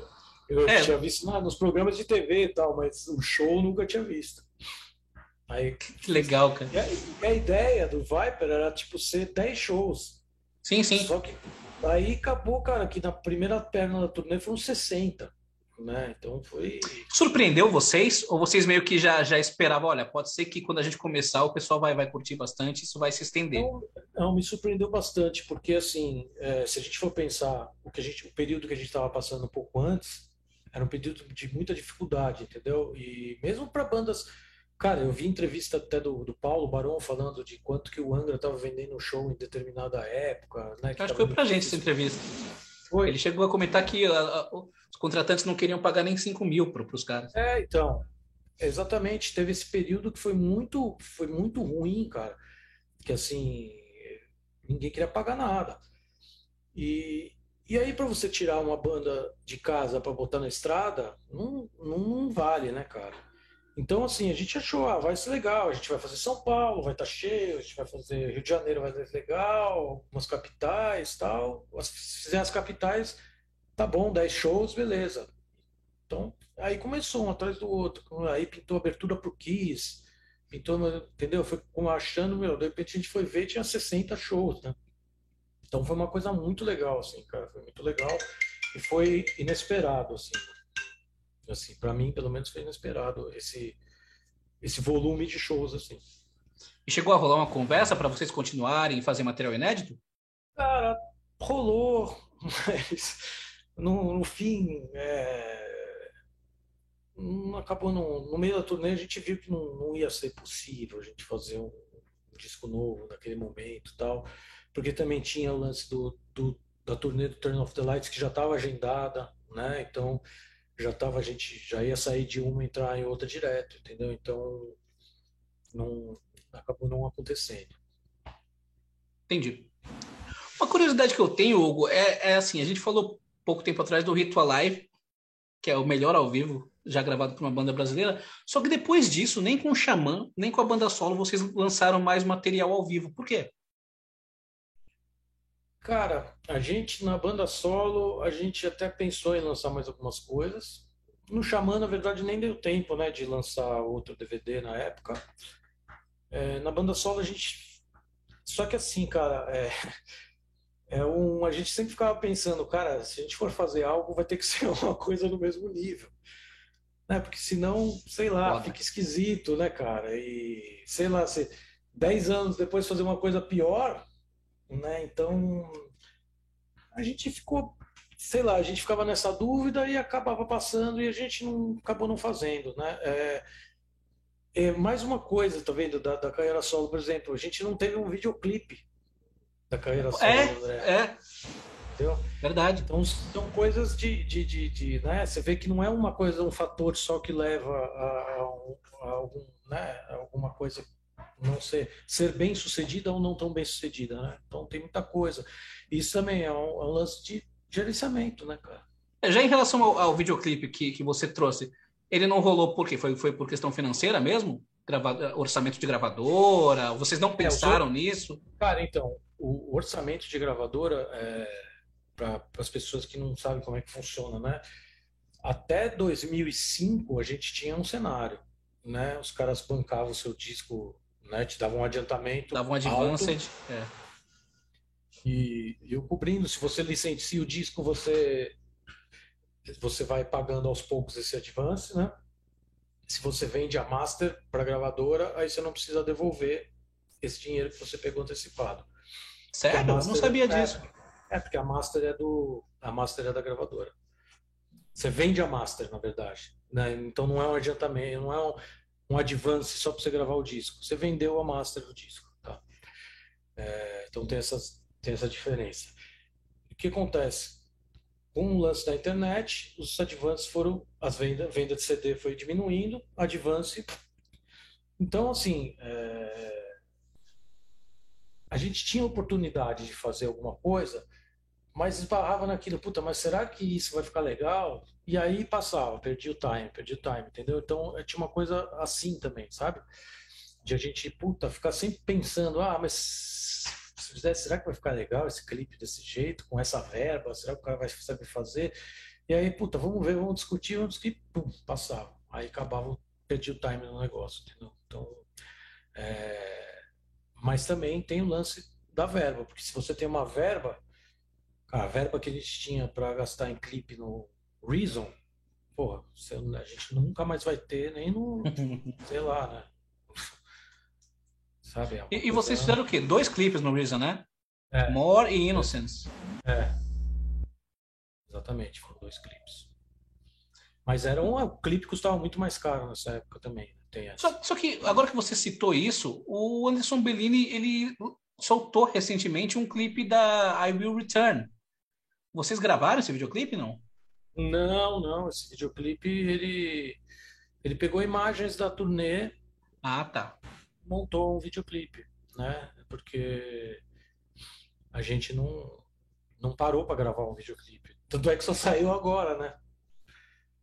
Então Entendi. a gente não, nunca gravou. A gente, que a gente filmava né, as coisas na, na turnê e tal. Então a gente nunca tinha parado para gravar. Vamos gravar o clipe da We Return. Entendeu? Até teve uma proposta, uma lá na, quando a gente estava na Eslováquia, os caras queriam organizar tudo para o dia seguinte. Ah, a gente falou sobre que, puta, vamos tentar fazer amanhã, que é o último dia que vocês vão estar aqui e tal, mas aí acabou não dando certo. Não deu para alugar tudo lá e, e aí no fim a gente acabou não fazendo o videoclipe. Que pena. É. Bom, é, você passou muito tempo tocando uh, as linhas de guitarra do Kiko Loureiro e do Rafael Bittencourt.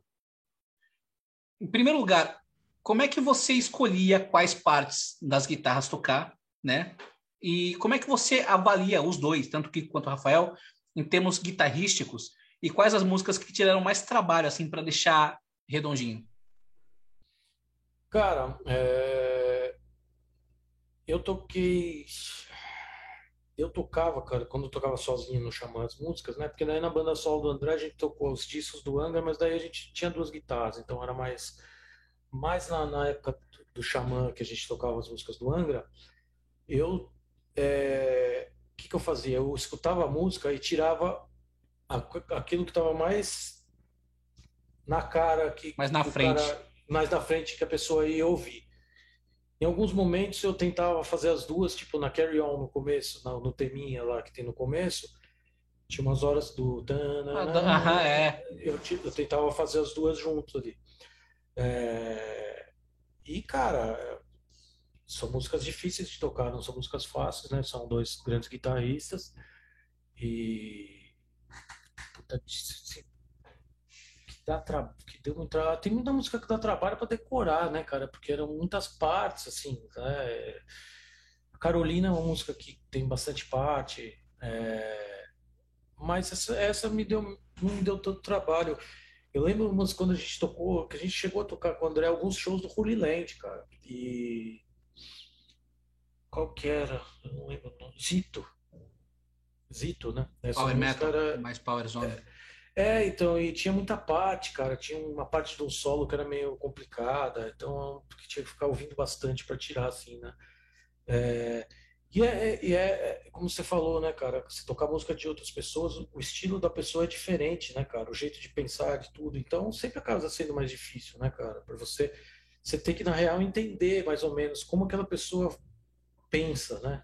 Na hora de tocar para você poder tirar da melhor maneira possível. Mas com certeza deu bastante trabalho, né, cara? É...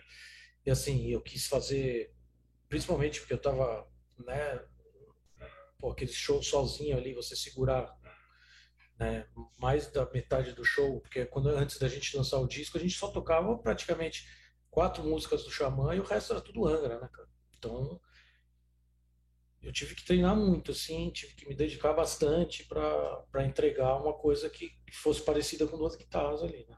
E tive muita ajuda do Fábio e do Luiz segurando ali, né? Ajudando bastante também para preencher os espaços ali.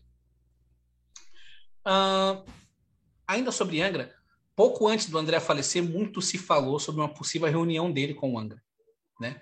O Rafael Bittencourt falou abertamente que ele estava totalmente aberto para isso acontecer. O Paulo Barão falou que na semana do falecimento dele ele ia conversar com o André.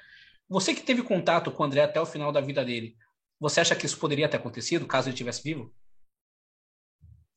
Cara, assim, se as pessoas falam, né, que, que realmente ele estava aberto, é porque tiveram alguma.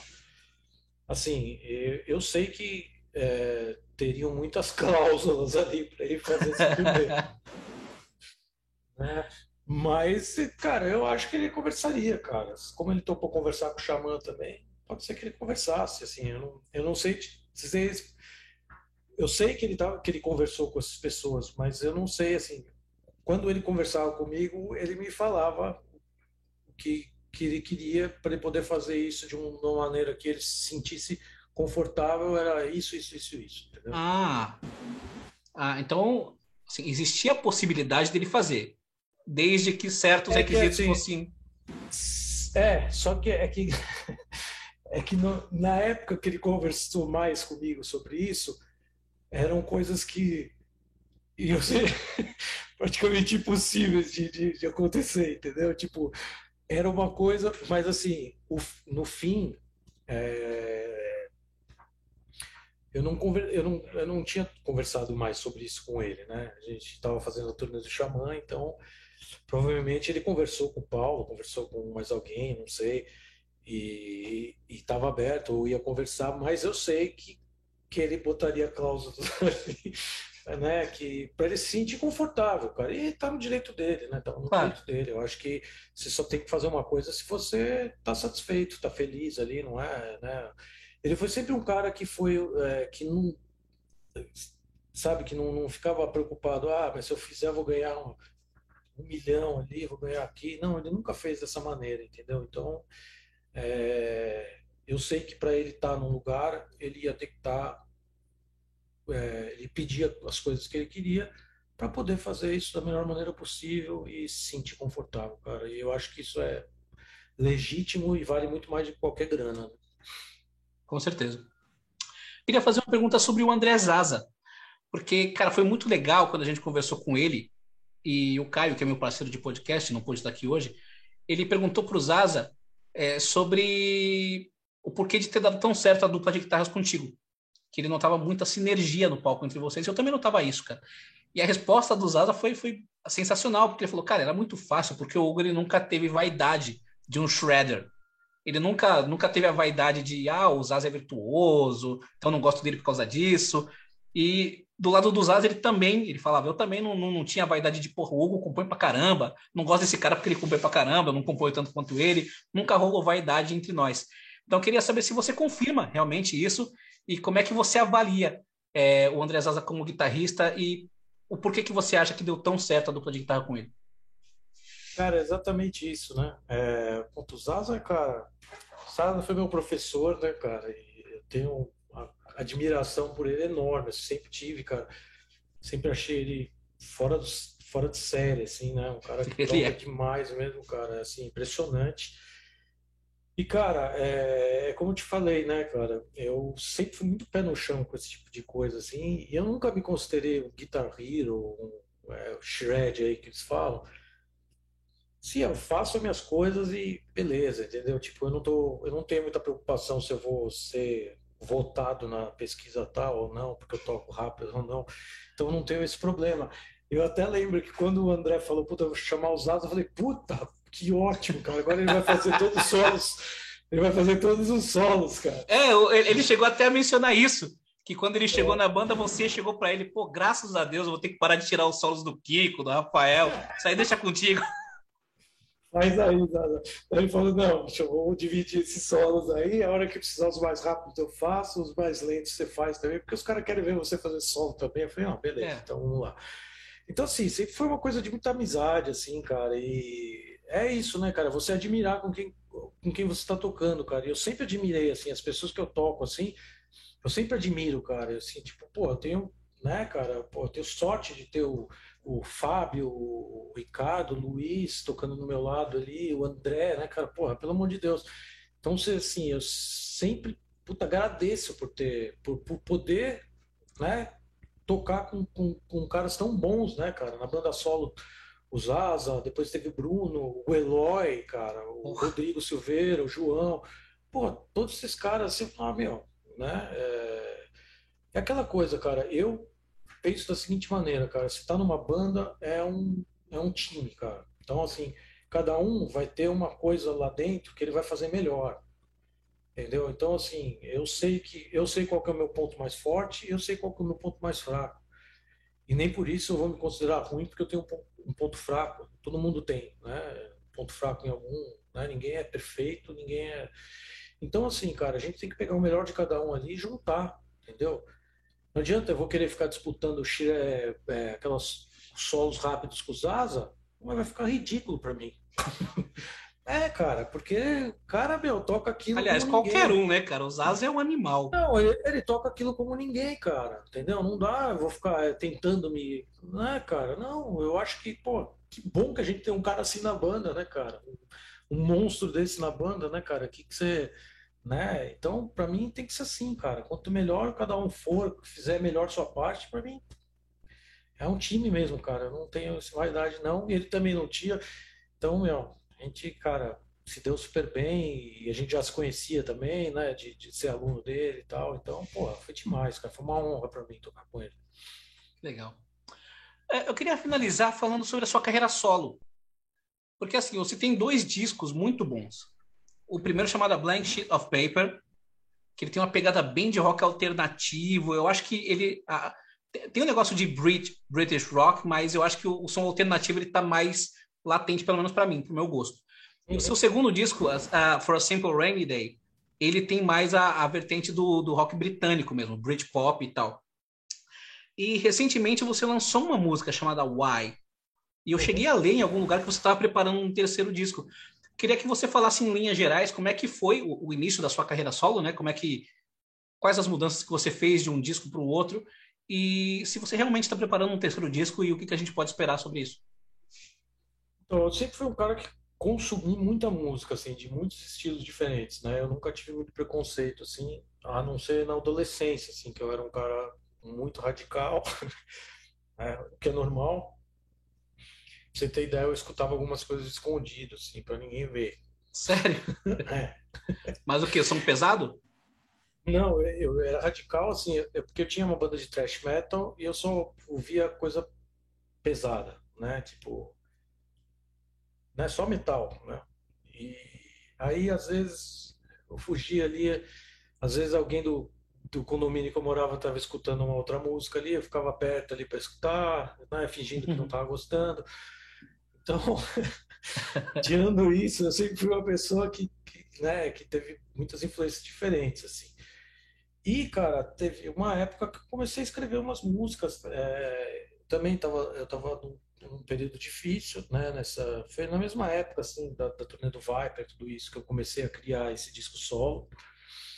E, e, realmente, o primeiro disco é uma coisa mais alternativa, tem muita coisa, mistura de, de, de beat eletrônico, com, uhum. Né, muita coisa com efeito, pouca guitarra no disco, né? É um disco bem. É um, é um disco bem pesado, assim, na verdade. As letras são pesadas, é um, é um disco pesado.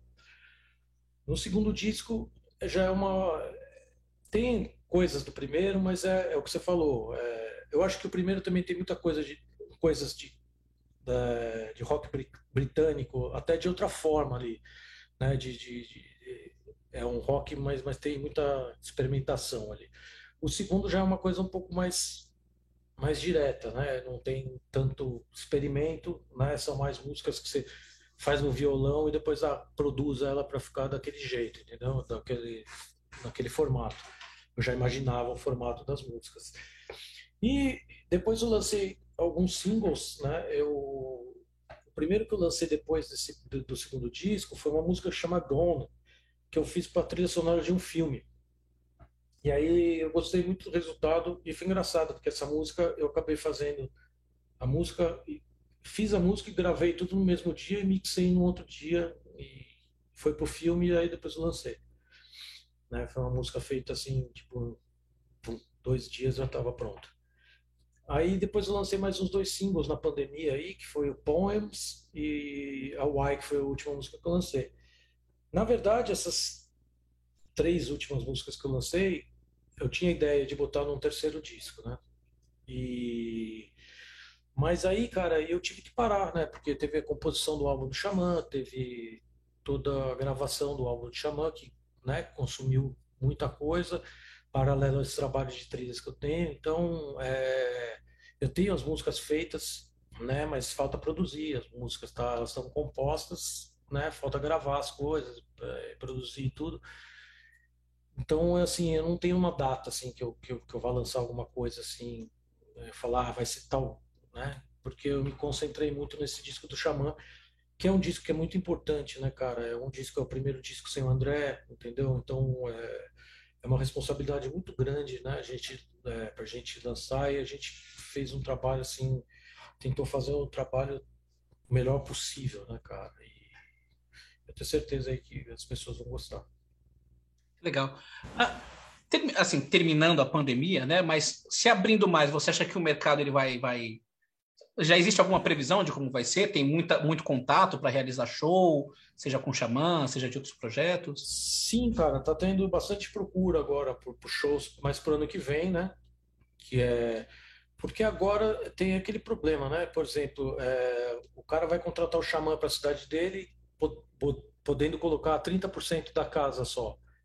Para o cara não vale a pena, entendeu? É, você tirar, né? Você levar uma banda, passagem de avião, as passagens estão caríssimas, né, cara? Porque é, eu estava até vendo, cara, o, passagem para Montevidéu, que os caras estão falando da final da Libertadores, é tipo 8 mil reais, cara. Tipo, você fala, meu, para Montevidéu, cara, né? Então Pô, pega um é carro e vai, mano. É, exatamente. Então isso que eu acho uma coisa ruim, cara, porque assim, você sai de um negócio que foi duro para muita gente, né? Fez muita gente ficar na miséria, né, cara? Né? Porque perdeu tudo que emprego, perdeu ou tinha um comércio fechou, né? Tanta gente passando dificuldade e aí a hora que você está começando a acabar a pandemia, você bota esses preços estratosféricos aí, né, cara, para uma minoria poder, né, tipo usufruir, é.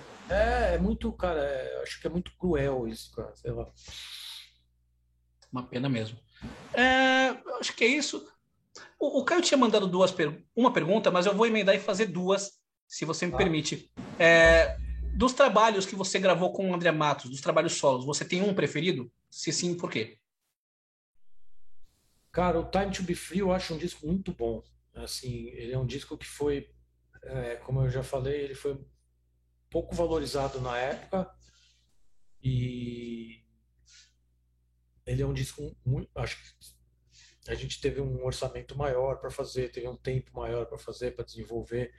Então eu acho que ele é um disco mais finalizado, tipo, vai, é, né, mais bem acabado. Fez, é, era aquilo que a gente queria, né? Tipo, puta, é isso. Não tem nada ali que eu falo assim, putz, eu queria ter feito isso lá, saca? Depois que você ouve, você fala, putz, não é aquilo, né? E o Mentalize, cara, eu acho também um disco que tem músicas muito boas, tipo a Return eu acho uma música muito boa. É sensacional. É, eu gosto é, da The Myriad, The Myriad, que tem uma introdução na é bateria. Essa música é muito boa, muito boa. Muito mesmo. legal. Então, tem músicas muito boas no disco, mas como eu te falei, tem músicas que eu ouço lá e falo, puta, essa música ia ser demais se a gente tivesse tido tempo de fazer isso, isso, isso, isso aqui. Entendeu? Então, é, é tem esse sentimento, assim. E o Turn of the Lights eu acho que é um disco bem legal também. É um disco diferente, né, cara? É... Eu tem umas coisas. Eu acho que as coisas mais sombrias da carreira solo do André estão naquele disco. Bicho, eu não é, sei. Eu, eu, eu, acho que eu sou a única pessoa que tem como preferido o The Turn of the Lights. Mas eu não, amo eu esse disco. Então, mas eu falo sombrio no, na assim, maneira, numa maneira Não, não, boa. no bom sentido. Mas ele, o, o, clima é denso, né, do disco. Cara, coisa... a, a, a, a, a, trinca que abre esse disco é, é excepcional. E, e, você falou de sombrio, denso, a letra da Liberty ela é muito pesada, cara. É, exatamente. Ela é, ela é, bem densa mesmo. E eu adoro isso. Eu, eu acho Liberty a melhor música da carreira solo do André. Assim, é Obrigado. perfeita. É, é, é, sua ela, né? É. A introdução dela é sensacional, o refrão dela é espetacular. E a perfeita. Gente tinha, a gente tinha essa dúvida de puta, vamos abrir. Ele, primeiramente, ia abrir o disco Course of Life, né? Aí a gente falou, cara, a gente sempre abre com uma música assim. Power Zone, tipo, né? Mais power. Vamos abrir com uma diferente dessa vez. Daí o, Brandon, que também faz parte da produção, falou: É, cara, acho que vai ser legal. Aí falou: É, vamos aí. Eu acho as três primeiras músicas perfeitas, que são Liberty, Curse of Life e The Turn of the Lights. E a The Turn of the Lights, ela também é do Eloy, né? É, foi então. Foi uma. Eu, quando a gente. Quando a gente é, se fechou, falou: Vamos fazer o disco novo tal o Eloy ainda estava com a gente. Daí a gente, eu, ele e o Bruno no estúdio, eu falei, pô, faz uma levada tal, Eloy e tal, a gente começou a tocar e aí surgiu a música. Né? E é uma música muito legal, a levada dela é muito legal, essa música. É, é ótimo. É. E esse eu... é o primeiro disco do André, que eu cantei primeiro que ele, porque o Liberty quem faz sou eu no disco. Ah, é? Ah, sim. Caramba! Cheio o saco, né? Falei pra ele, mas... pô, eu sou disco solo, mas vou cantar primeiro. mas, pô, cara, eu, as músicas desse disco, assim, eu gosto daquela música Unreplaceable. E vocês nunca tocaram ela ao vivo, não que eu lembre. Eu acho que vocês nunca tocaram. Não, nunca, não, nunca tocamos. Por que, cara? Essa música é maravilhosa. Então, é porque na época da turnê, cara, é... a gente tinha o Angels Cry inteiro, né? Então a gente tinha que optar por algumas, né, cara? E a gente teve que ensaiar o Angels Cry inteiro. Tinha que fazer então, uma peneira ali, né? É. é. tinha que fazer uma peneira, cara. Então a gente falava, puta, põe essa, põe essa. Daí a gente trocava uma ou outra, mas essa a gente até chegou a ensaiar. Mas a gente não ensaiou o suficiente para fazer, para botar ela, né? E, e aí vai passando, você vai fazendo a turnê, cara, e às vezes você não tem o tempo de ensaiar mais, e aí vão ficando as mesmas, né? Ou você muda uma aqui, uma ali. Mas é uma música que é bem legal mesmo. Muito boa. É bem diferente, né? Outra pergunta é sobre os outros projetos que você teve na sua carreira fora do, do universo Xamã, André Matos, Viper.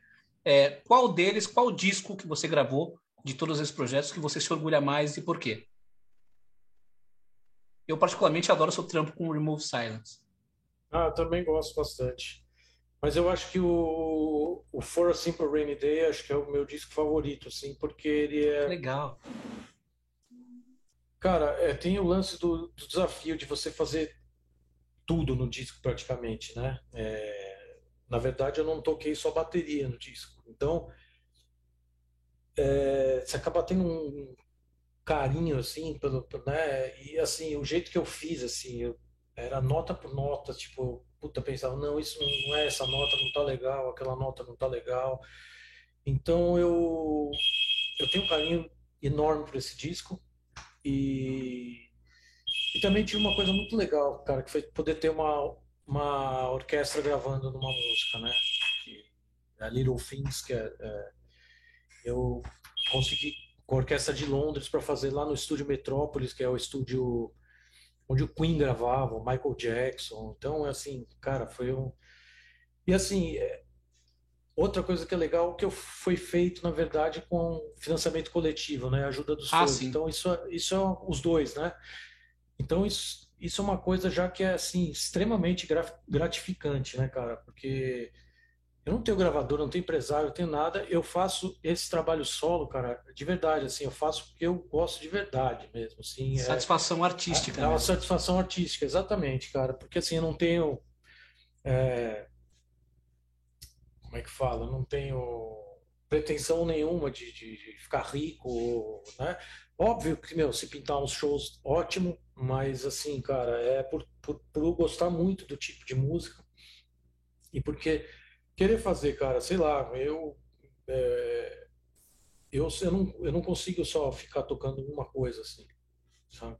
Então, eu já fiz o Rainsford, que era uma coisa que era tinha coisa de rock progressivo, o Remove Silence, que era uma coisa com, com mistura de música eletrônica, ou, né, coisas mais pesadas e né, tive minha banda de trash no começo, daí eu, tenho, eu toco no Xamã e eu não gostaria de fazer um CD solo que fosse uma continuação do Xamã, ou um som de guitarra, por exemplo, um instrumental de uhum. guitarra. Poderia até ser mais rentável para mim, mas eu não, não é minha linguagem, cara, não é o que eu escuto, então não seria um disco honesto, entendeu? Eu nem saberia fazer um disco legal disso. Legal. Cara, eu tenho mais uma para finalizar. Ah. Uh, é, porque, assim, é, é um negócio que eu vivi. Vou contar uma história para você o primeiro show mesmo de rock metal que eu fui na minha vida foi em 99 e foi um show do Angra. Eu tive o privilégio de ver a formação original do Angra, assim, com, com o André. Com... E eu lembro que eu, que eu começou o show, os caras começaram a tocar, eu falava, cara, não é possível, mano, né? não é possível que tem que esse cara canta desse jeito, que esses caras tocam isso e tal. E eu me apaixonei pela banda assim instantaneamente, virei fã do Angra. É, aquele foi o penúltimo show daquela formação na época a gente não tinha informação tão fácil assim, né, a respeito da sua banda favorita. Hoje, se alguém sai de uma banda, você fica sabendo na mesma hora, em tempo real. E aí, na época, eu não fiquei sabendo que o Angra tinha se separado. Pouco tempo depois, um amigo meu chega para mim e mostra: oh, ouve esse. A banda lançou um single aqui, ouve aí. Eu ouvi, eu gostei pra caramba, assim. Mas que, que banda é essa? Pô, é o Angra. Era o Acid Rain, o single da formação nova. Quando eu falasse, falei: não, cara, isso não é Angra. Não, eu conheço a voz do cara, não é esse aí. Ele, não, pô, mas o Angra separou, não tá sabendo? e aí, no, no, num primeiro momento, eu meio que virei hater do Angra. Como é que é possível, cara? O André saiu, não.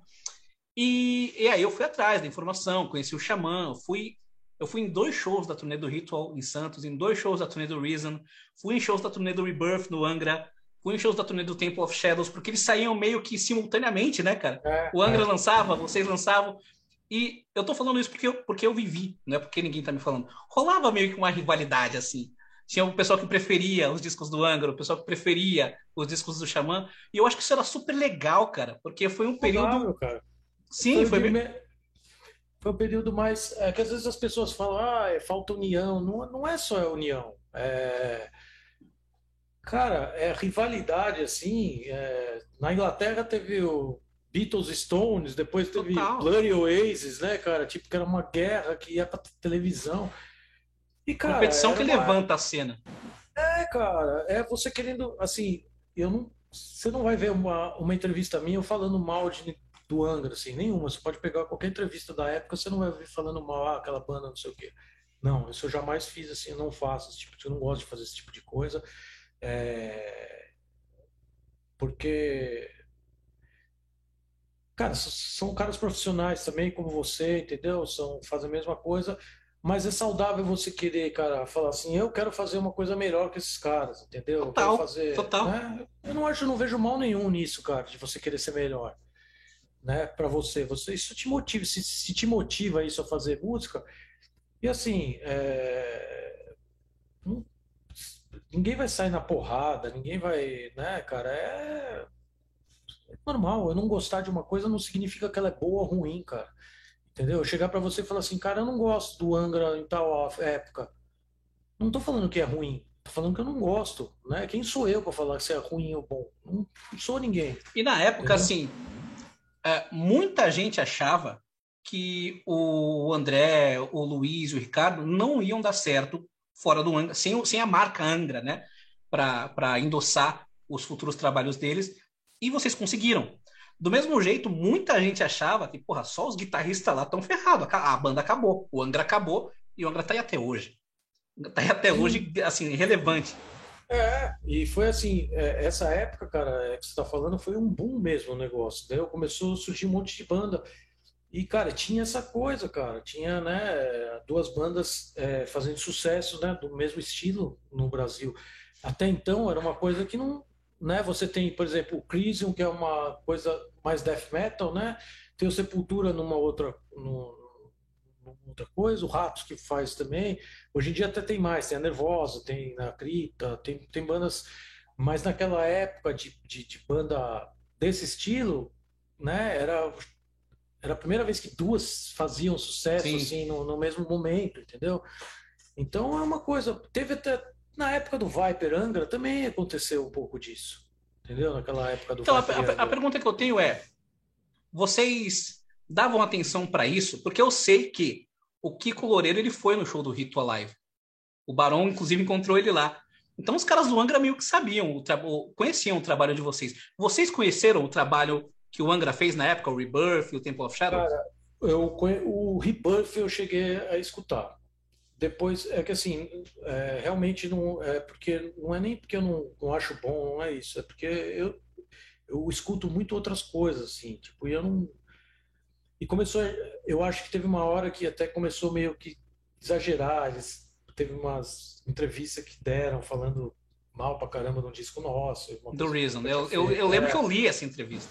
Eu é, meio foi uma puto, coisa né? desagradável, porque, é, tipo, mas, cara, é, foi coisa da época, eu não tenho mágoa nenhuma disso, mas, assim, é, eu não, não conhecia, assim, muito. O Temple of Shadows é um disco que eu, eu ouço falar, mas eu nunca ouvi, assim, inteiro, de falar.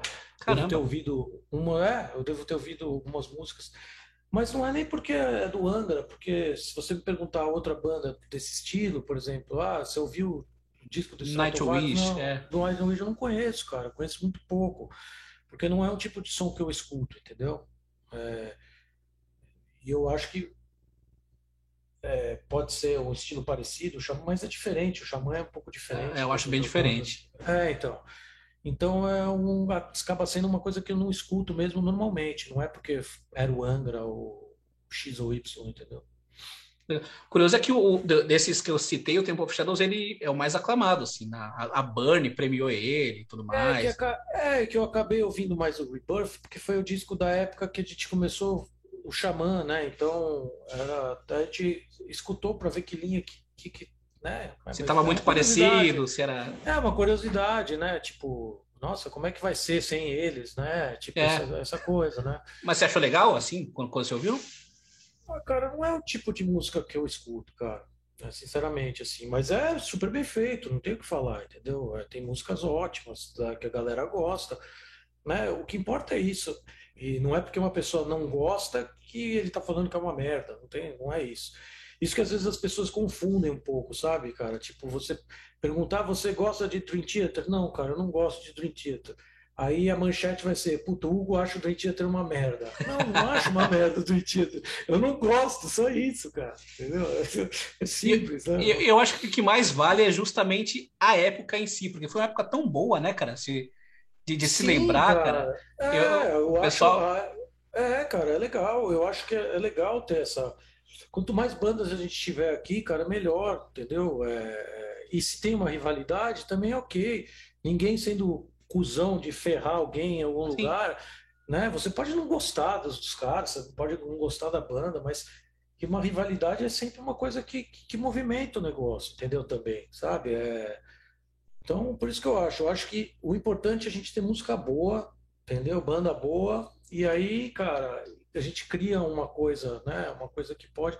E, e, o mais importante, né? Ter gente querendo ouvir coisa diferente, coisa nova, né? Isso que é o mais importante. Porque isso que é uma coisa muito difícil de se fazer, né, cara? É, você emplacar uma banda com nome novo. É, aqui no Brasil é muito difícil, cara. É muito difícil mesmo. Então, acho que mais do que tudo também é a vontade da galera querer escutar alguma coisa diferente. Nisso, o André, ele, ele merece nossos parabéns, né? Porque ele teve a coragem de deixar o Viper quando o Viper estava com Theatre of Fate bombando fora do, do Brasil. Eles começou uma banda do zero. Aí o Angra tá gravando no Abbey Road pô, com Bruce Dickinson cantando com eles. E, e, ele não tem medo nenhum de sair da banda e formar uma banda do zero. O Xamã com música na novela, o Reason com puto orçamento para fazer clipe. E ele sai vai para carreira solo.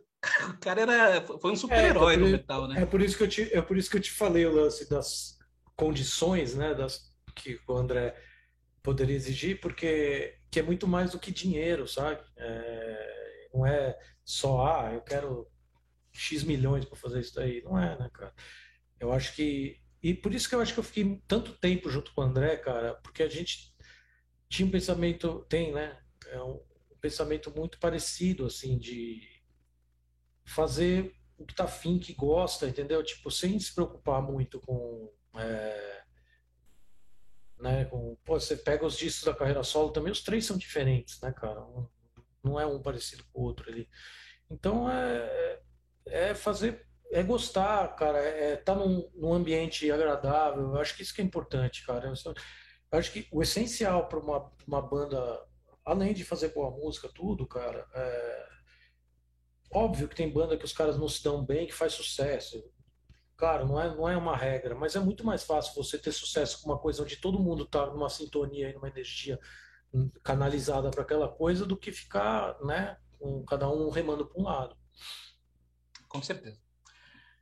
Pessoal, acho que foi isso. Esse foi o nosso bate-papo com o Hugo Mariucci, guitarrista do Xamã, é, ex-guitarrista da banda solo do André Matos, ex-guitarrista do Viper, Remove Silence e o Trent Reznor brasileiro aí. Que... Nossa, é, quem dera.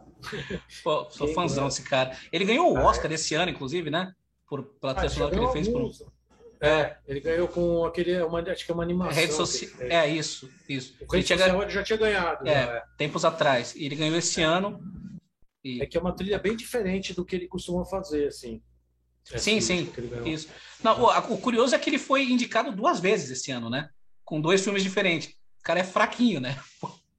E tem uma ah, banda é, foda pra cacete. É, o cara realmente é um cara acima da média também. Hugo, quero te agradecer imensamente aí pelo, pelo, pelo papo. Pedir desculpa aí pelo tempo que eu tomei do teu dia. E, é pô, o tempo aí é seu para se despedir, dar o recado que você quiser, divulgar o que você quiser.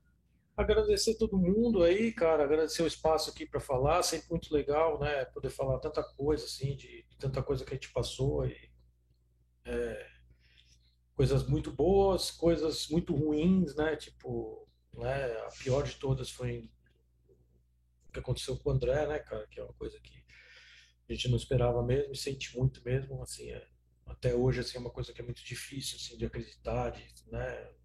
Vira e mexe, você ainda pensa no... Fala assim, putz, cara, assim, infelizmente aconteceu e é, né, cara, é, o legado dele, o trabalho dele tá aí, né?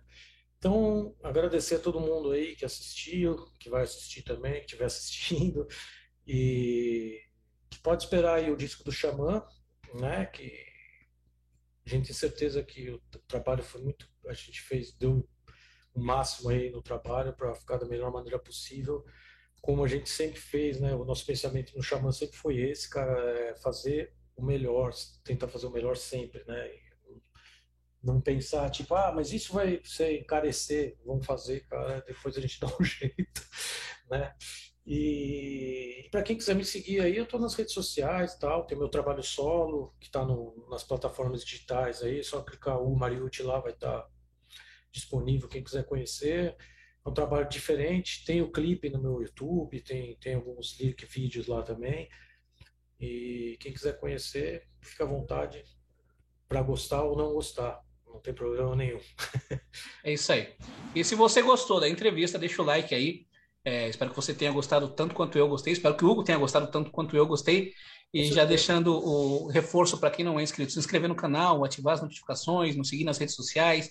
Se você puder e quiser contribuir com o nosso trabalho via Pix. E aguarde pelas próximas entrevistas que a gente tem corrido atrás de bastante gente. E esse mês de outubro, que é o mês do qual a gente está gravando com o Hugo, a gente está gravando muita entrevista. Então está sendo bem legal ver o feedback que tanto o público quanto os músicos têm nos dado, que tem aceitado bastante e tem reconhecido bastante o trabalho que a gente tem feito. Então, aguardem por novidades, beleza? Por hoje é isso e até a próxima.